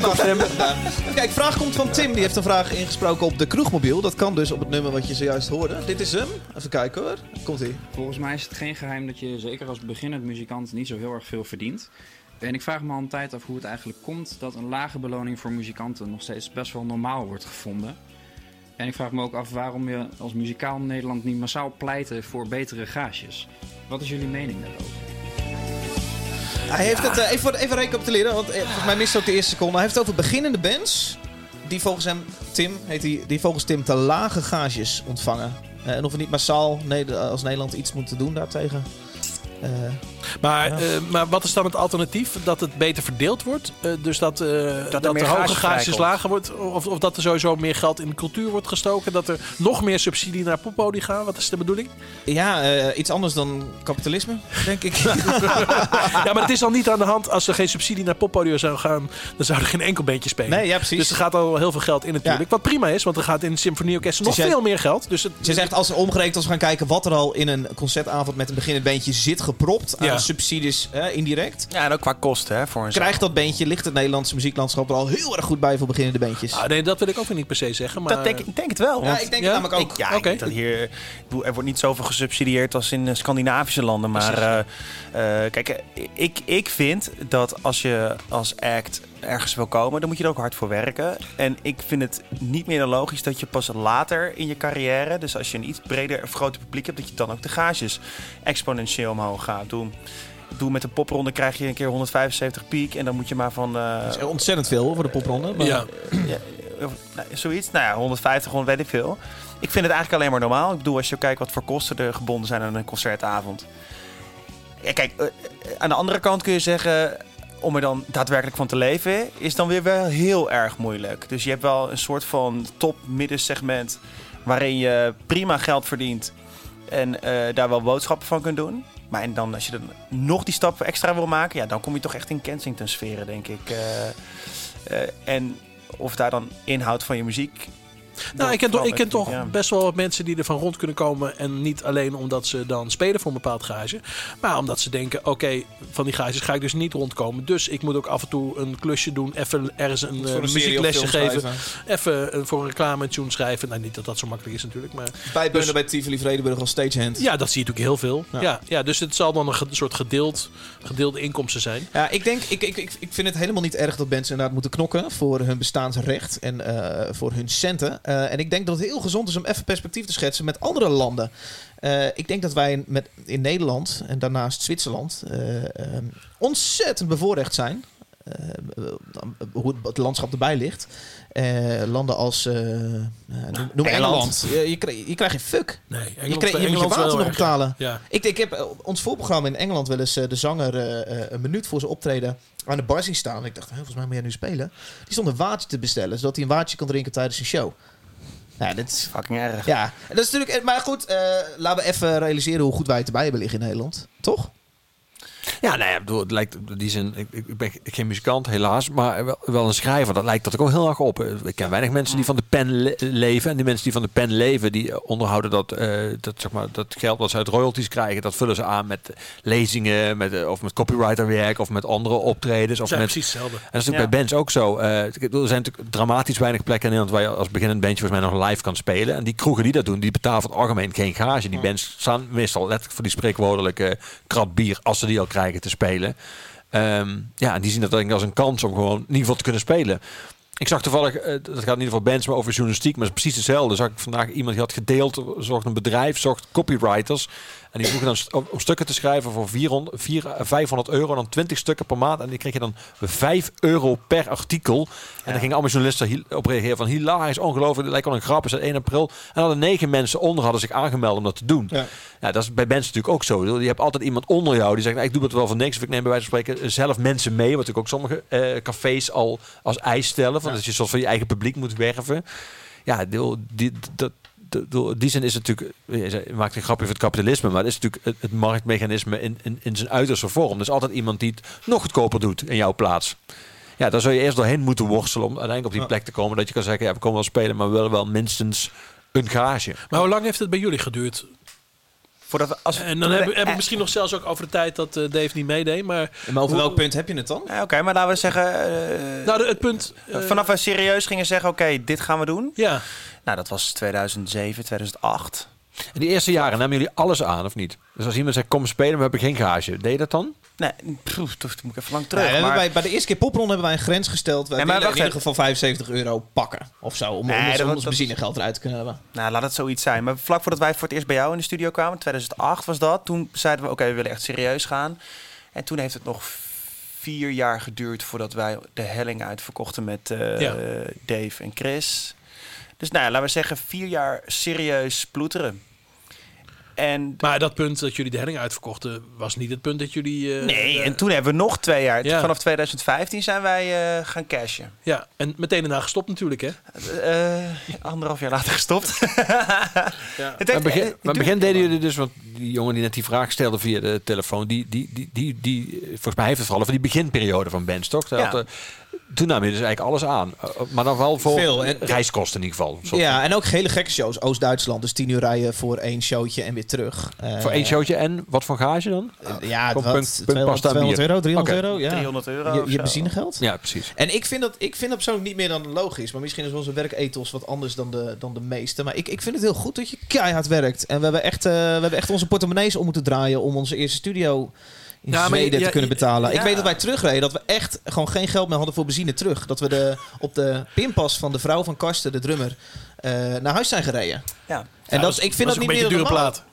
Dat is een beetje te dure plaat natuurlijk ook. Een dure Ja, plaat was voor echt een een hele dure plaat. voorstelt.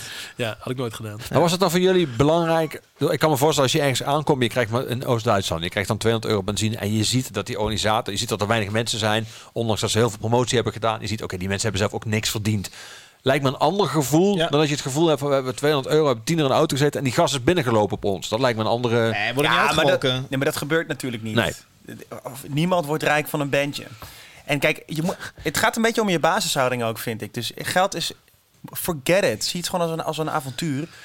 En, en, en, en met de kans op dat je daar misschien ooit een keer van gaat leven. Ja, die maar hoe leuk, is, heel hoe klein. leuk is het dat je op een gegeven moment eh, merkt dat je in een klein punksientje in eh, Oost-Duitsland dat je terecht kunt. Dat je de vier shows heen kunt. En dan kun je een keertje naar, naar Tsjechië toe, kun je heen en weer, weet je wel. Of een keer naar Polen heen en weer. Dat zijn mega avonturen. Dus wij, wij hebben het gewoon altijd gezien als een soort van eh veredelde vakantie. Waarin je toch vrij goedkoop dan op vakantie ging. Wij zitten live op YouTube en Max Straathof die wint zich thuis enorm op. Die zegt namelijk, eh, vinden jullie de prijs te hoog voor een popronde beentje? 175 euro. Hij is verbaasd dat wij dat... eh, Nou, wij niet, eh, maar die, Nee, maar, maar- die kroegen. Ja, precies. Maar ik kan me voorstellen, als je een kroeg neemt en je kijkt wat die voor een extra omzet genereert doordat er een bandje staat. En sommige kroegen hebben ook nog twee of zelfs drie bandjes staan. Ja, ja, ja. Nou, reken maar uit. Als je dan elke keer 150 euro betaalt, dan legt een kroeg er ook op toe. Dus dan verdient er niemand wat, wat ook prima is. Maar dus ja, dat gaat nooit meer worden natuurlijk. Nee, maar dat, dat is ook niet het doel van een popronde. Het doel, Nee. het doel van een popronde is, Is dat promotie. je der- 30 shows kunt doen. Dat je eindelijk eens een keer een geoliede machine kunt worden als band. Wat je daarvoor nooit bent. Je krijgt in vier maanden tijd de kans om... Niet iedereen, lang niet iedereen krijgt zoveel boekingen natuurlijk. Maar stel je voor, je speelt 20 keer in die vier maanden. Ja. Dat is al heel veel voor een beginnende band. Nou, pak je winst. Je hebt, je hebt, je hebt vier maanden lang content. Eh, dus, het, is ja, er wordt je heel veel geboden naast geld. En eh, Mooi. ja, god. Ik heb, als je het niet redt, red je het niet. Klaar. Dan verzin je maar weer wat anders. Die Ferrari buiten, is die voor jou of niet? Golf GTE, die is voor mij. Ja, een lease. Ik betaalde niks. Ehm, eh, Martijn, jij was op... eh, Ja, nee, twee moet ik eerst even vertellen? Oh, wil je eerst Oh. even vertellen? Ja, eerst even Oké, vertellen. dan vertel eerst over Velbum, heet de band. Ik was, eh, Velbum? ik was lekker eh, op tweetakt, jongens. Ehm, eh, en daar heb ik een band gezien. Film, film. Je, je hebt de vinyl zelfs gekocht? Ik heb de vinyl gekocht. Ja? Eh, zelf een handige bandnaam qua onthouden en herhalen? Nou, als ik het nog drie keer noem, dan eh, kun je hem onthouden. Ehm, Velbum. het was een ontzettend relaxte avond. Met wel heel veel muzikanten eh, scene was er. Maar dat is niet erg. Eh, heel goed uitgevoerd concert van ehm eh Ilko Topper. Alias Falco, Falco Benz. Benz, ja. Daar ehm, wat dingen onder gedaan de afgelopen jaren. En nu heeft, komt hij hiermee instrumentale muziek. Eh, acht songs per kant vinyl. Dus kan je je voorstellen, een paar minuten maar. Een soort, het is een soort eh, loop, een soort drone eh, gevoel instrumentaal. Zonder dat het ergens heel erg uitpakt. Het blijft een beetje ingehouden. Ehm, maar gewoon qua sfeer was het fantastisch. En ik dacht, ik ga meteen die plaat halen. En eh, zodoende. Waarom moeten luisteraars van deze podcast dit om, horen? eh, eh, nou, het, het, het is ook spannend, omdat het een beetje aanschuurt tegen, en dat ligt natuurlijk heel erg op de, op de loer, dat het, eh, Fout? dat het een soort foute instrumentale... Palmfluit. ja, achtergrond. eh, maar dat wordt het dus nergens. Ik ben enorm geprikkeld om even te gaan luisteren nu. eh. Ik kan het ook wel horen, ja. Ja,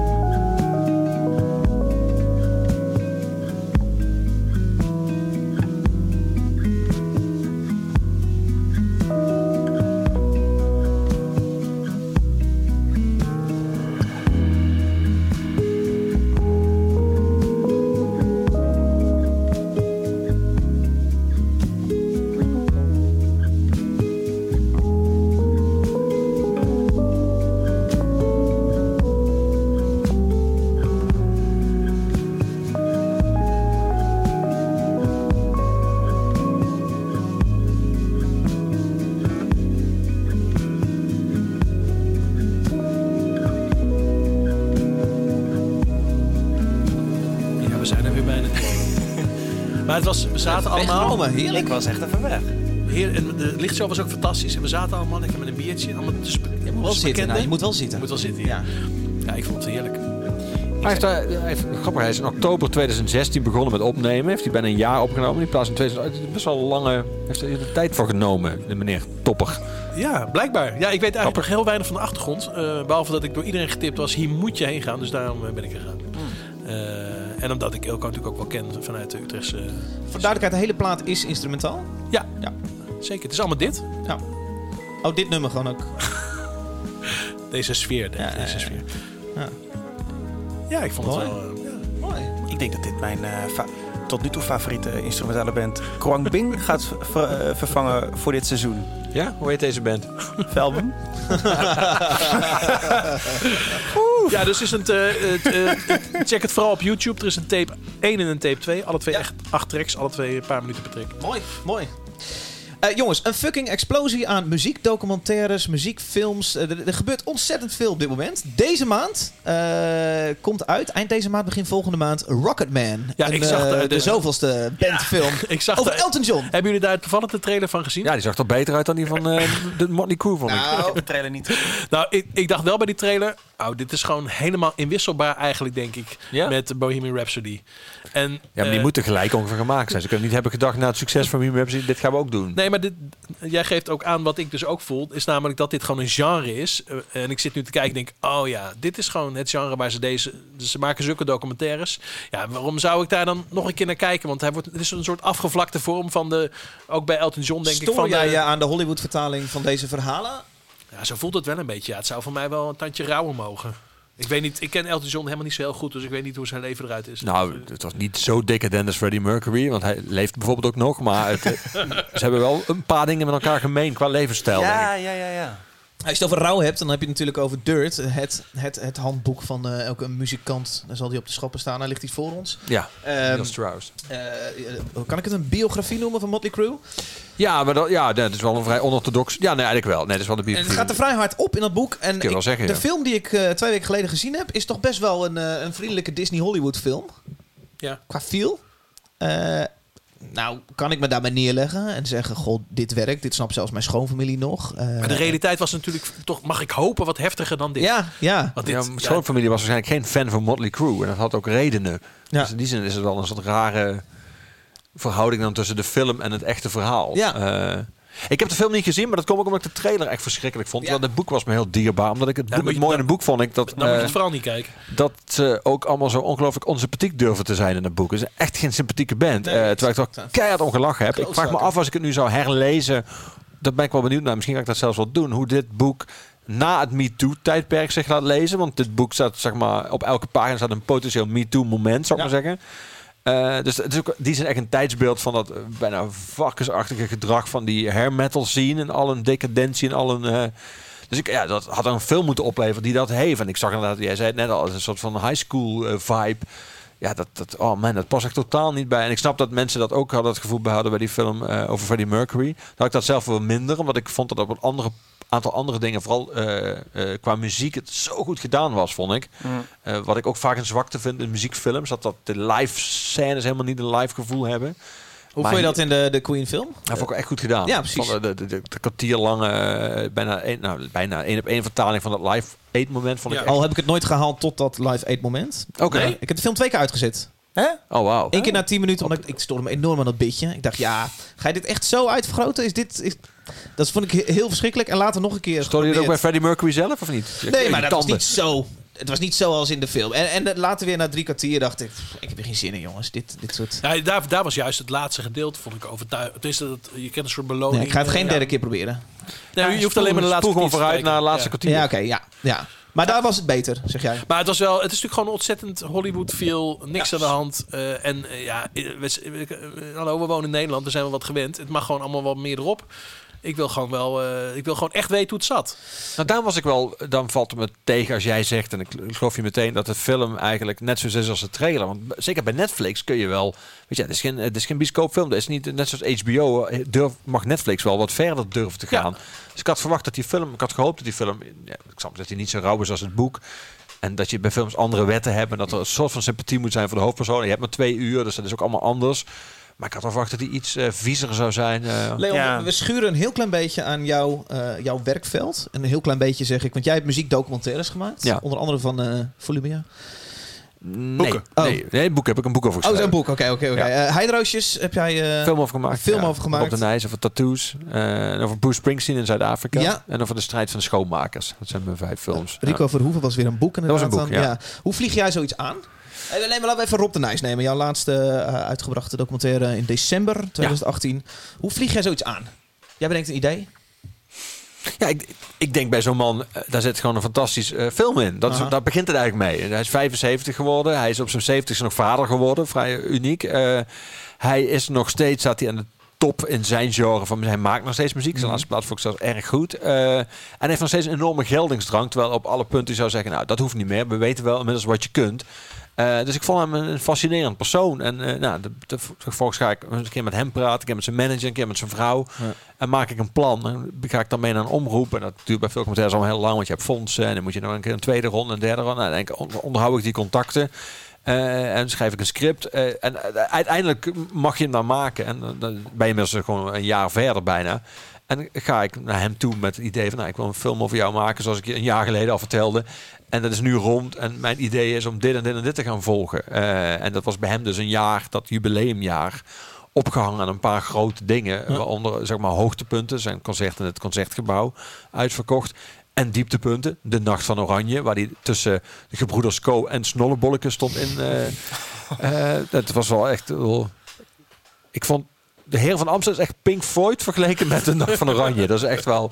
Dat is zo erg. Dat is Hoe on- ga jij naar zo iemand toe? Kijk, Eh, ken je hem al eigenlijk? Ja, ik had hem een paar keer geïnterviewd. Ja, ik ken hem al. Ja, dat scheelt altijd wel. Ja. Ja, Dus zeker er was een soort vertrouwen vanuit hem. Dat, dat ja, dat was carte je- blanche. Dat is voor mij heel essentieel. Ik Ja. wil alles kunnen doen. Ik wil alles kunnen filmen. En ik laat de film niet van tevoren zien. Dat heb ik één keer gedaan met de Heideroosjes. doe ik nooit meer. Oh, echt je, waar? kijkt in de film, je ziet hem in de bioscoop. Echt waar? Ja. Oké. Ja, ik zou als artiest dan dat nooit doen. Snap ik.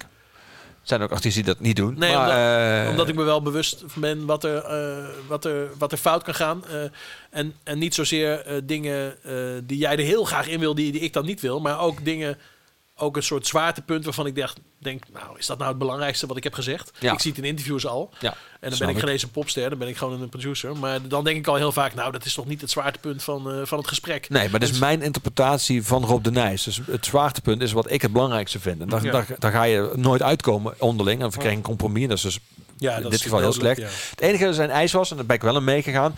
Hij zei, dat, dat tekent ook zijn vakmanschap. Hij zei, je mag doen wat je wil. Maar ik wil alle mixen horen. Ik wil dat het, eh, dat het eh, qua geluid goed is. Want hij vindt vaak, terecht, daar kunnen jullie denk ik allemaal over omheen praten. In televisieprogramma's en zo.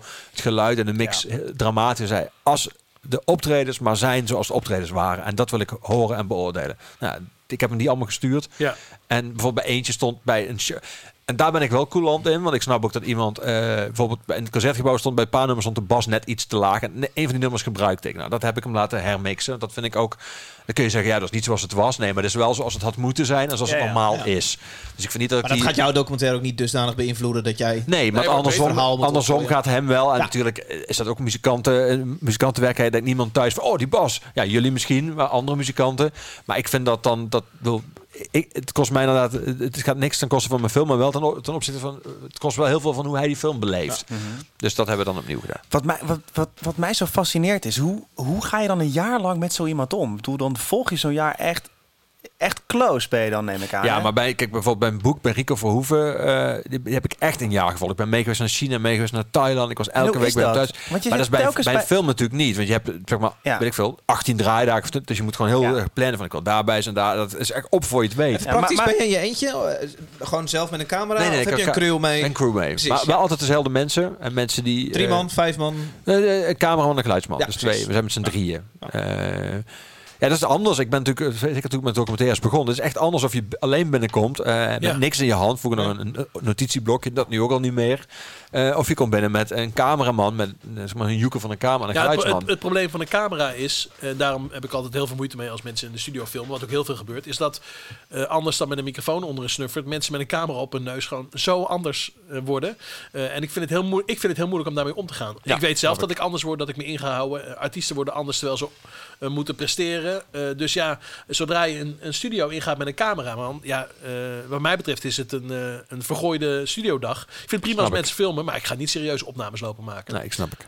Dat, Ja, het- het- dat, dat, dat is, dat gewoon het. Ja, dat is, dat is ook. het- Dat is van beide kanten. Is dat. eh, want het is voor mij het nadeel van een documentaire is en blijft gewoon dat je een werkelijkheid wil registreren die verandert op het moment dat jij aanwezig bent Ja. en dus niet Ja. meer de werkelijkheid is die het anders zou zijn geweest, die je had wil filmen. Dus er Ja. zit altijd een. Een soort van, en zeker bij iemand als Rob de Nijs, wat ik ook fascinerend aan hem vond. Die man heeft vijf, die is gewoon, zeg maar, als tiener doorgebroken. Die is al 60 jaar heel beroemd. Als iemand die heeft meer podiumervaring, of zeg maar, podiumervaring en camera dan wij allemaal hier in deze ruimte bij elkaar. Dus die weet precies, die weet ook hoe die een shot moet verneuken. Die weet ook, als ik nu omdraai, kijk gewoon naar de camera, ik kan niet weggooien. Dat weet hij allemaal. En dat, maar dat vond ik ook wel wel spannend. Er werd ook een soort strijd van net die momenten pakken. Waarom dat doet hij mee met dit? Wa- Wat zit er hier nog in voor hem? Vindt hij het leuk om een portret van zichzelf te hebben? Ja, ik denk dat hij op een leeftijd is gekomen dat hij, dat, eh, dat hij zich wel een beetje meer bezighoudt met zijn legacy. Dat hij denkt, oké, hoe gaan mensen mij ooit herinneren? En dat is meestal toch of de film of de biografie. Eh, dus hij heeft gedacht, denk ik, van ik wil gewoon nog één keer laten neerzetten wie ik ben. Ook omdat het soort, historisch overzicht in de film zit verwerkt. Eh, maar dan niet chronologisch. Dat, dat sprak hem ook aan, ook dat wilde doen. Ik wilde hem volgen in het nu. En ik wilde hem met flashbacks heel dat invoelbaar maken hoe lang hij er al is. Eh, ja, dus ijdelheid, de, de motor achter bijna alle creativiteit. Dus daar heb ik ook helemaal niks tegen. Eh, en hij vertrouwde het ook wel. Hij, hij snapte wat ik wilde. Hij, hij- ik heb hem script laten lezen. En hij snapte wat ik, wat ik wilde laten zien met de film. Dus eh, ja.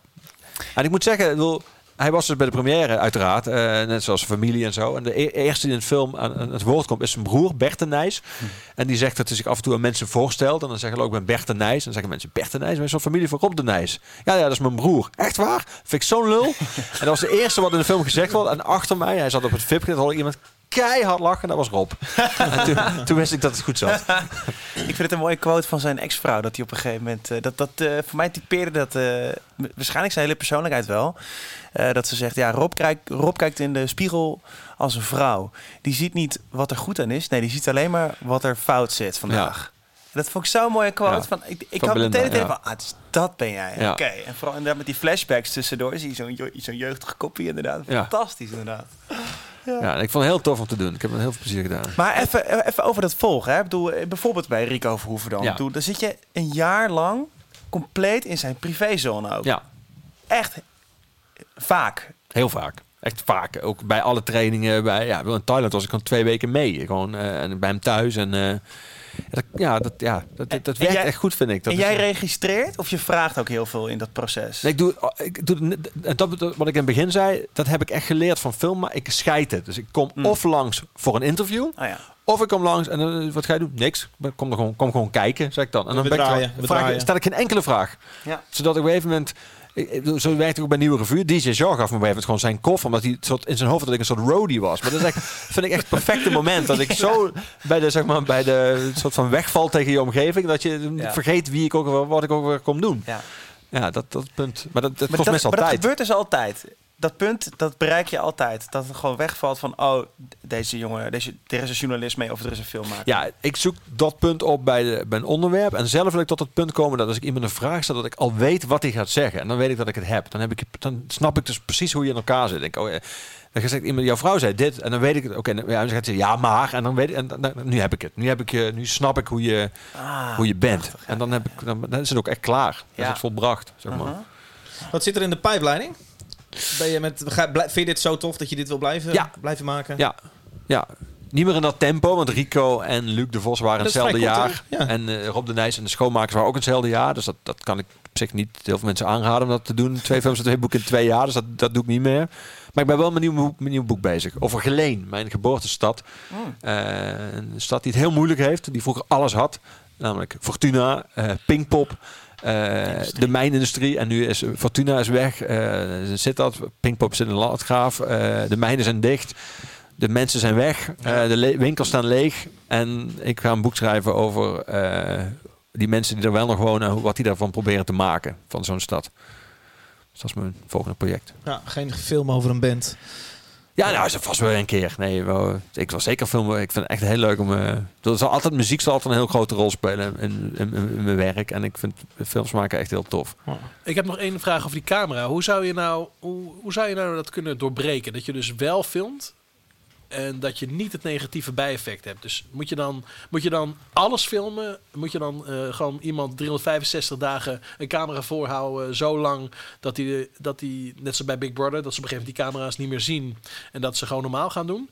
Of eh, is dat gewoon niet te doen? Je kan niet iemand in een soort eerlijk, eh, een eerlijke situatie filmen omdat je altijd een soort effect Het verschilt sowieso. Sommige mensen zijn heel erg camerabewust en andere mensen niet. Weet je, sommige mensen die- Kijk maar naar hoe mensen op straat selfies maken. Weet je, mensen die meteen met een duckface hoofd scheef. Weet je, oké, die zijn heel camerabewust. Andere mensen staan op een selfie alsof ze niet door hadden. Dus die zijn er zo lullig op en die zetten ze ook zelf op Instagram. Dan denk ik, oké, je, hebt- je, bent, je bent niet gehinderd door al te veel ijdelheid. Wat ik vaak juist voor iemand van pleit. Als iemand gewoon zichzelf durft te zijn.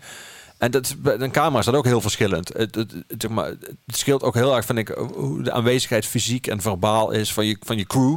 Hoe groot de camera is. Maar uiteindelijk geldt, denk voor bijna iedereen... er komt een moment waarop je een camera... En het hoeft niet eens te zijn dat je al voor de 300ste dag eh, bezig bent.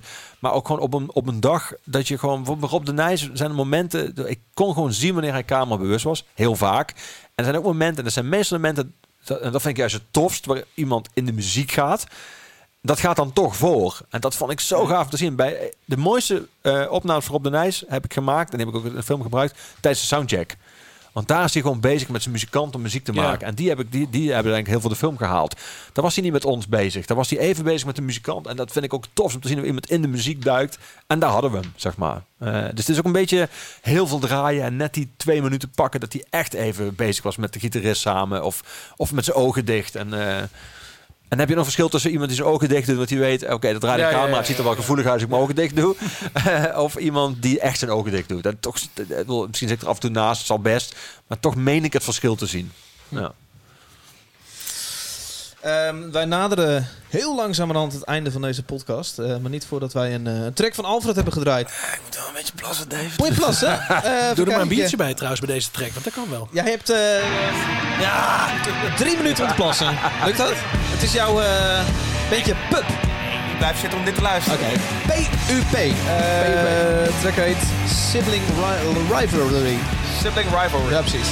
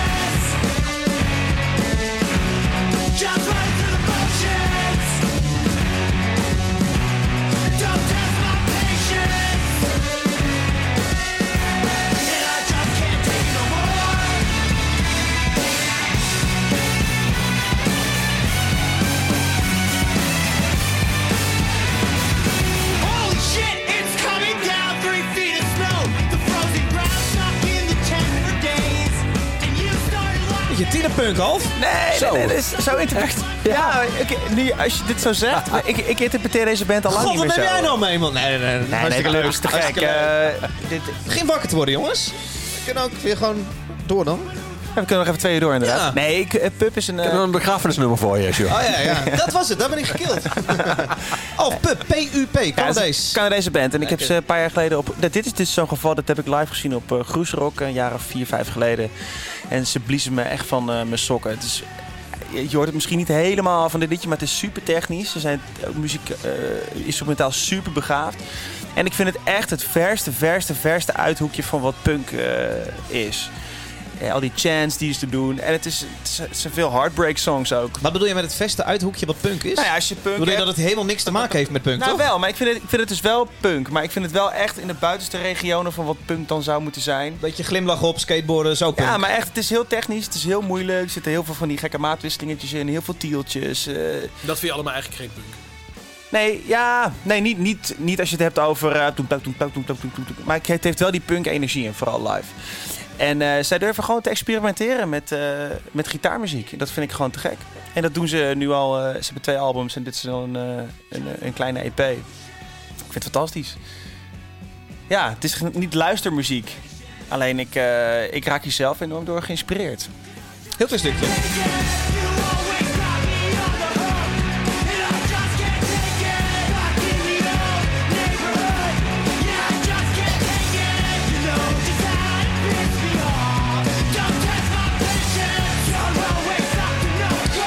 Zij experimenteren toch niet heel... Ik hoor niet zoveel Nee, experimenteren. nee, dit, dit liedje is vrij straightforward, mee eens. Maar als ik dit hoor, dan... eh, Maar het is wel veel geproduceerder dan reguliere eh, Ja, er zit, je- er zit gewoon een idee achter. Dat, eh, ik ik eh, krijg altijd direct zin om mezelf weer liedjes te schrijven. Ja. Als ik dit, eh, Dat is sowieso goed dan. Eh, er komt ook nog een vraag van jou binnen. Goed, eh al vier leuke keuze, hè? Dat jij het maar leuk vindt. eh, jongens. Nee. Maar nee, het is goed als je, als je van muziek zin krijgt om muziek te maken. Ja, zeker in nee, jouw zeker. geval, als je ook muziek kan maken, Ja. dat is natuurlijk al... al, dat is dan al Ja, ik, heb, ik, ja. ik ga nooit meer in mijn leven op een podium staan. Maar als ik naar een bandje kijk en ik denk, ik heb zin om op een podium te staan, dan is het echt goed. Dan is het goed, toch? Ja. Ja. ja. Ja, zo werkt het wel, ja. Want dat, dat zie jij bij? Oh, ik dacht, jij refereerde nu naar... Oh, Nee, dat heb ik Oh, wel eens. kijk, dat ja. ik zelfs zin heb, terwijl ik echt gezworen heb dat ik dat nooit meer doe op een podium staan, dat ik dat zelfs nog zou willen. Ja, hey Alf, heel snel nog even. Er komt eh, op de valreep een vraag voor jou binnen. Willem Vernooy eh, zegt... eh, zeg Alfred, een tijdje geleden heb je de Dawn Brothers live gezien. En op voorhand wist je niet zo goed wat je ervan moest verwachten. Wat vond je achteraf van het optreden? Willem Vernooy vraagt dit. Volgens mij... De Dawn Brothers. eh, ja, vol- nee, dat, is, Volgens mij refereert Willem aan eh, dat Noorderslag optreden. dat is Dawn Brothers and Friends. Wat wij gezien hebben Ja. in die kleine zaal. Het Voor, was op een hele grote wist je niet zo goed wat je moest verwachten. Maar wat vond je er achteraf van? Volgens mij hebben we het erover gehad ook. Wij hebben enorm genoten van Ja. die show. ik, ik eh. was er toen een beetje negatief over, weet ik nog. Maar ik heb het daarna nog een paar keer gehoord en ik ben wel wat Nou, en als je het hebt over variété, dit, Leon, dit was echt heel leuk. Ja? Dawn Brothers, die waren de basisband. En eh, Tim Knol kwam even bluegrass spelen. En Douwe Bob kwam even een duet zingen met een mooie dame. En Pablo van der Wolf kwam even shredden. En er gebeurde in, in een drie kwartier tijd er Snop. zoveel gave... Maar allemaal in hun muzikale idioom. of niet? Ja, en, dan, en niet dat ze Dawn Brothers liedjes speelden, maar inderdaad, zij begeleiden alles. Cool. Het was echt vet. Ik, kreeg echt, ik was een beetje trots op onze eigen Neder Nashville scene toen ik dat zag. Dus, eh, dus nou Willem, als je daaraan eh, refereert, ik vond het vet. Super cool. Ehm, Leon, dankjewel dat jij eh, naar Utrecht af wilde reizen. Ja, graag gedaan. Het klinkt alsof het heel ver is. Waar, waar ben je vandaan gekomen vandaag? Ik woon inmiddels sinds twee weken niet Ja. in Amsterdam, maar in Maastricht. Ja, precies. Nou, Oh, wow. Ik vind het, eh, dat is geen kleintje. Waarom dat? hè? Waarom dat? Ja, ik vind het een prachtige stad, Maastricht. Ik kom daar graag. En ik Nee, kom maar daar- ik- Oh, sorry. eh, oké, maar dat begrijp ik wel. Maar kijk, eh, je begrijpt er ook wel eh, waarom het Ik heb een, misschien niet zo handig is. ik heb een Ja, nee, column nee, nee. gelezen waar jij deze vraag eh, een beetje omschrijft. Die je altijd krijgt als jij eh, vertelt dat je... Ja, sinds twee weken. Mensen vinden het ja, Ja. mooi, maar ver. Ja, en ja, Nou, ik weet niet hoe vaak jij op plekken moet zijn. Twee, drie keer per week moet ik wel Ja, op plekken zijn. Ja. Nou, Ja. sorry, plekken die niet per Nee, ik se in. Limburg Ja, liggen. nee, ik snap het. Leuk Maar dat ik jij dit hele tyfus eind in ieder geval gereisd hebt. Ik vind het leuk. podcast. En ik zat lekker in de auto met een boek, dus ik zei heerlijk. Ja. Luisterboek mag wel. Eh, over, over twee Ik, weken... zat, ik zei, grappig, is, ik, ik zat in de trein inderdaad. Ik denk, dat klopt helemaal niet. Ik zat- Ik ben wel scherp nog na anderhalf uur. Hey, Playground, 0,5 procent. Over twee weken eh, reis ik jouw soort van achterna. Ik ga niet naar Geleen, ik ga wel naar Landgraaf. Voor Oh. een gesprek met Jan Smeets. Want Pinkpop staat een beetje Ja, voor de deur. Wat leuk. Wanneer is Pinkpop? Juni? Ga dit jaar niet. Tweede week in Redelijk gepland. Ehm 6, 7, 8 juni. 6, 7, 8 juni. Ik, nee, eh, 7, 8, 9 juni. Ja, sorry. ik spreek met eh, eh, eh, Jan Smeets over... Ik wil het Mart Smeets zeggen. Dat moet ik even... Zou ik erin oppassen. zou ik niet doen Vind bij Jan. niet leuk, denk ik. Nee. Eh, om te kletsen over Pinkpop. Ja, want wat kon er allemaal kijken bij zo'n enorm eh, groot festival eh, plannen? Ik hoop een eh, heel gezellig gesprek te hebben. Misschien, Jan Smeets heeft ons wel eens een, er een, eh, eh, kratje bier eh, gebracht. Weet je dat nog?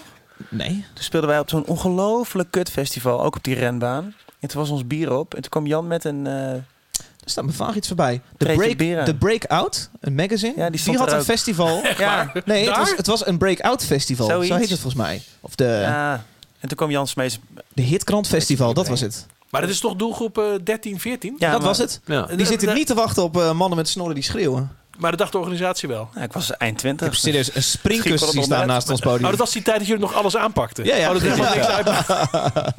Over vier weken zijn wij terug met eh, deze Maar Jan is er een, is er een maximaal... Want Jan, ik ken Jan al heel lang en ik vind hem heel leuk. Maar is er een maximale lengte in de podcast? Wel relevant om te weten. Ik heb dit ook al een beetje zitten bedenken, inderdaad. Ja, ik... eh. Maar denk, denk vooral goed na voor die ene vraag die je kunt stellen. Voor het antwoord van 4,5 uur. Over vier weken zijn we terug met eh, dezelfde setting. Min Alfred, jij bent op vakantie over vier weken. Superkut. Dat is jammer, want dan zitten we Ja. met de heren van Moses en de First Ball. die komen lekker hoor, kletsen over hun er Amerika-tour.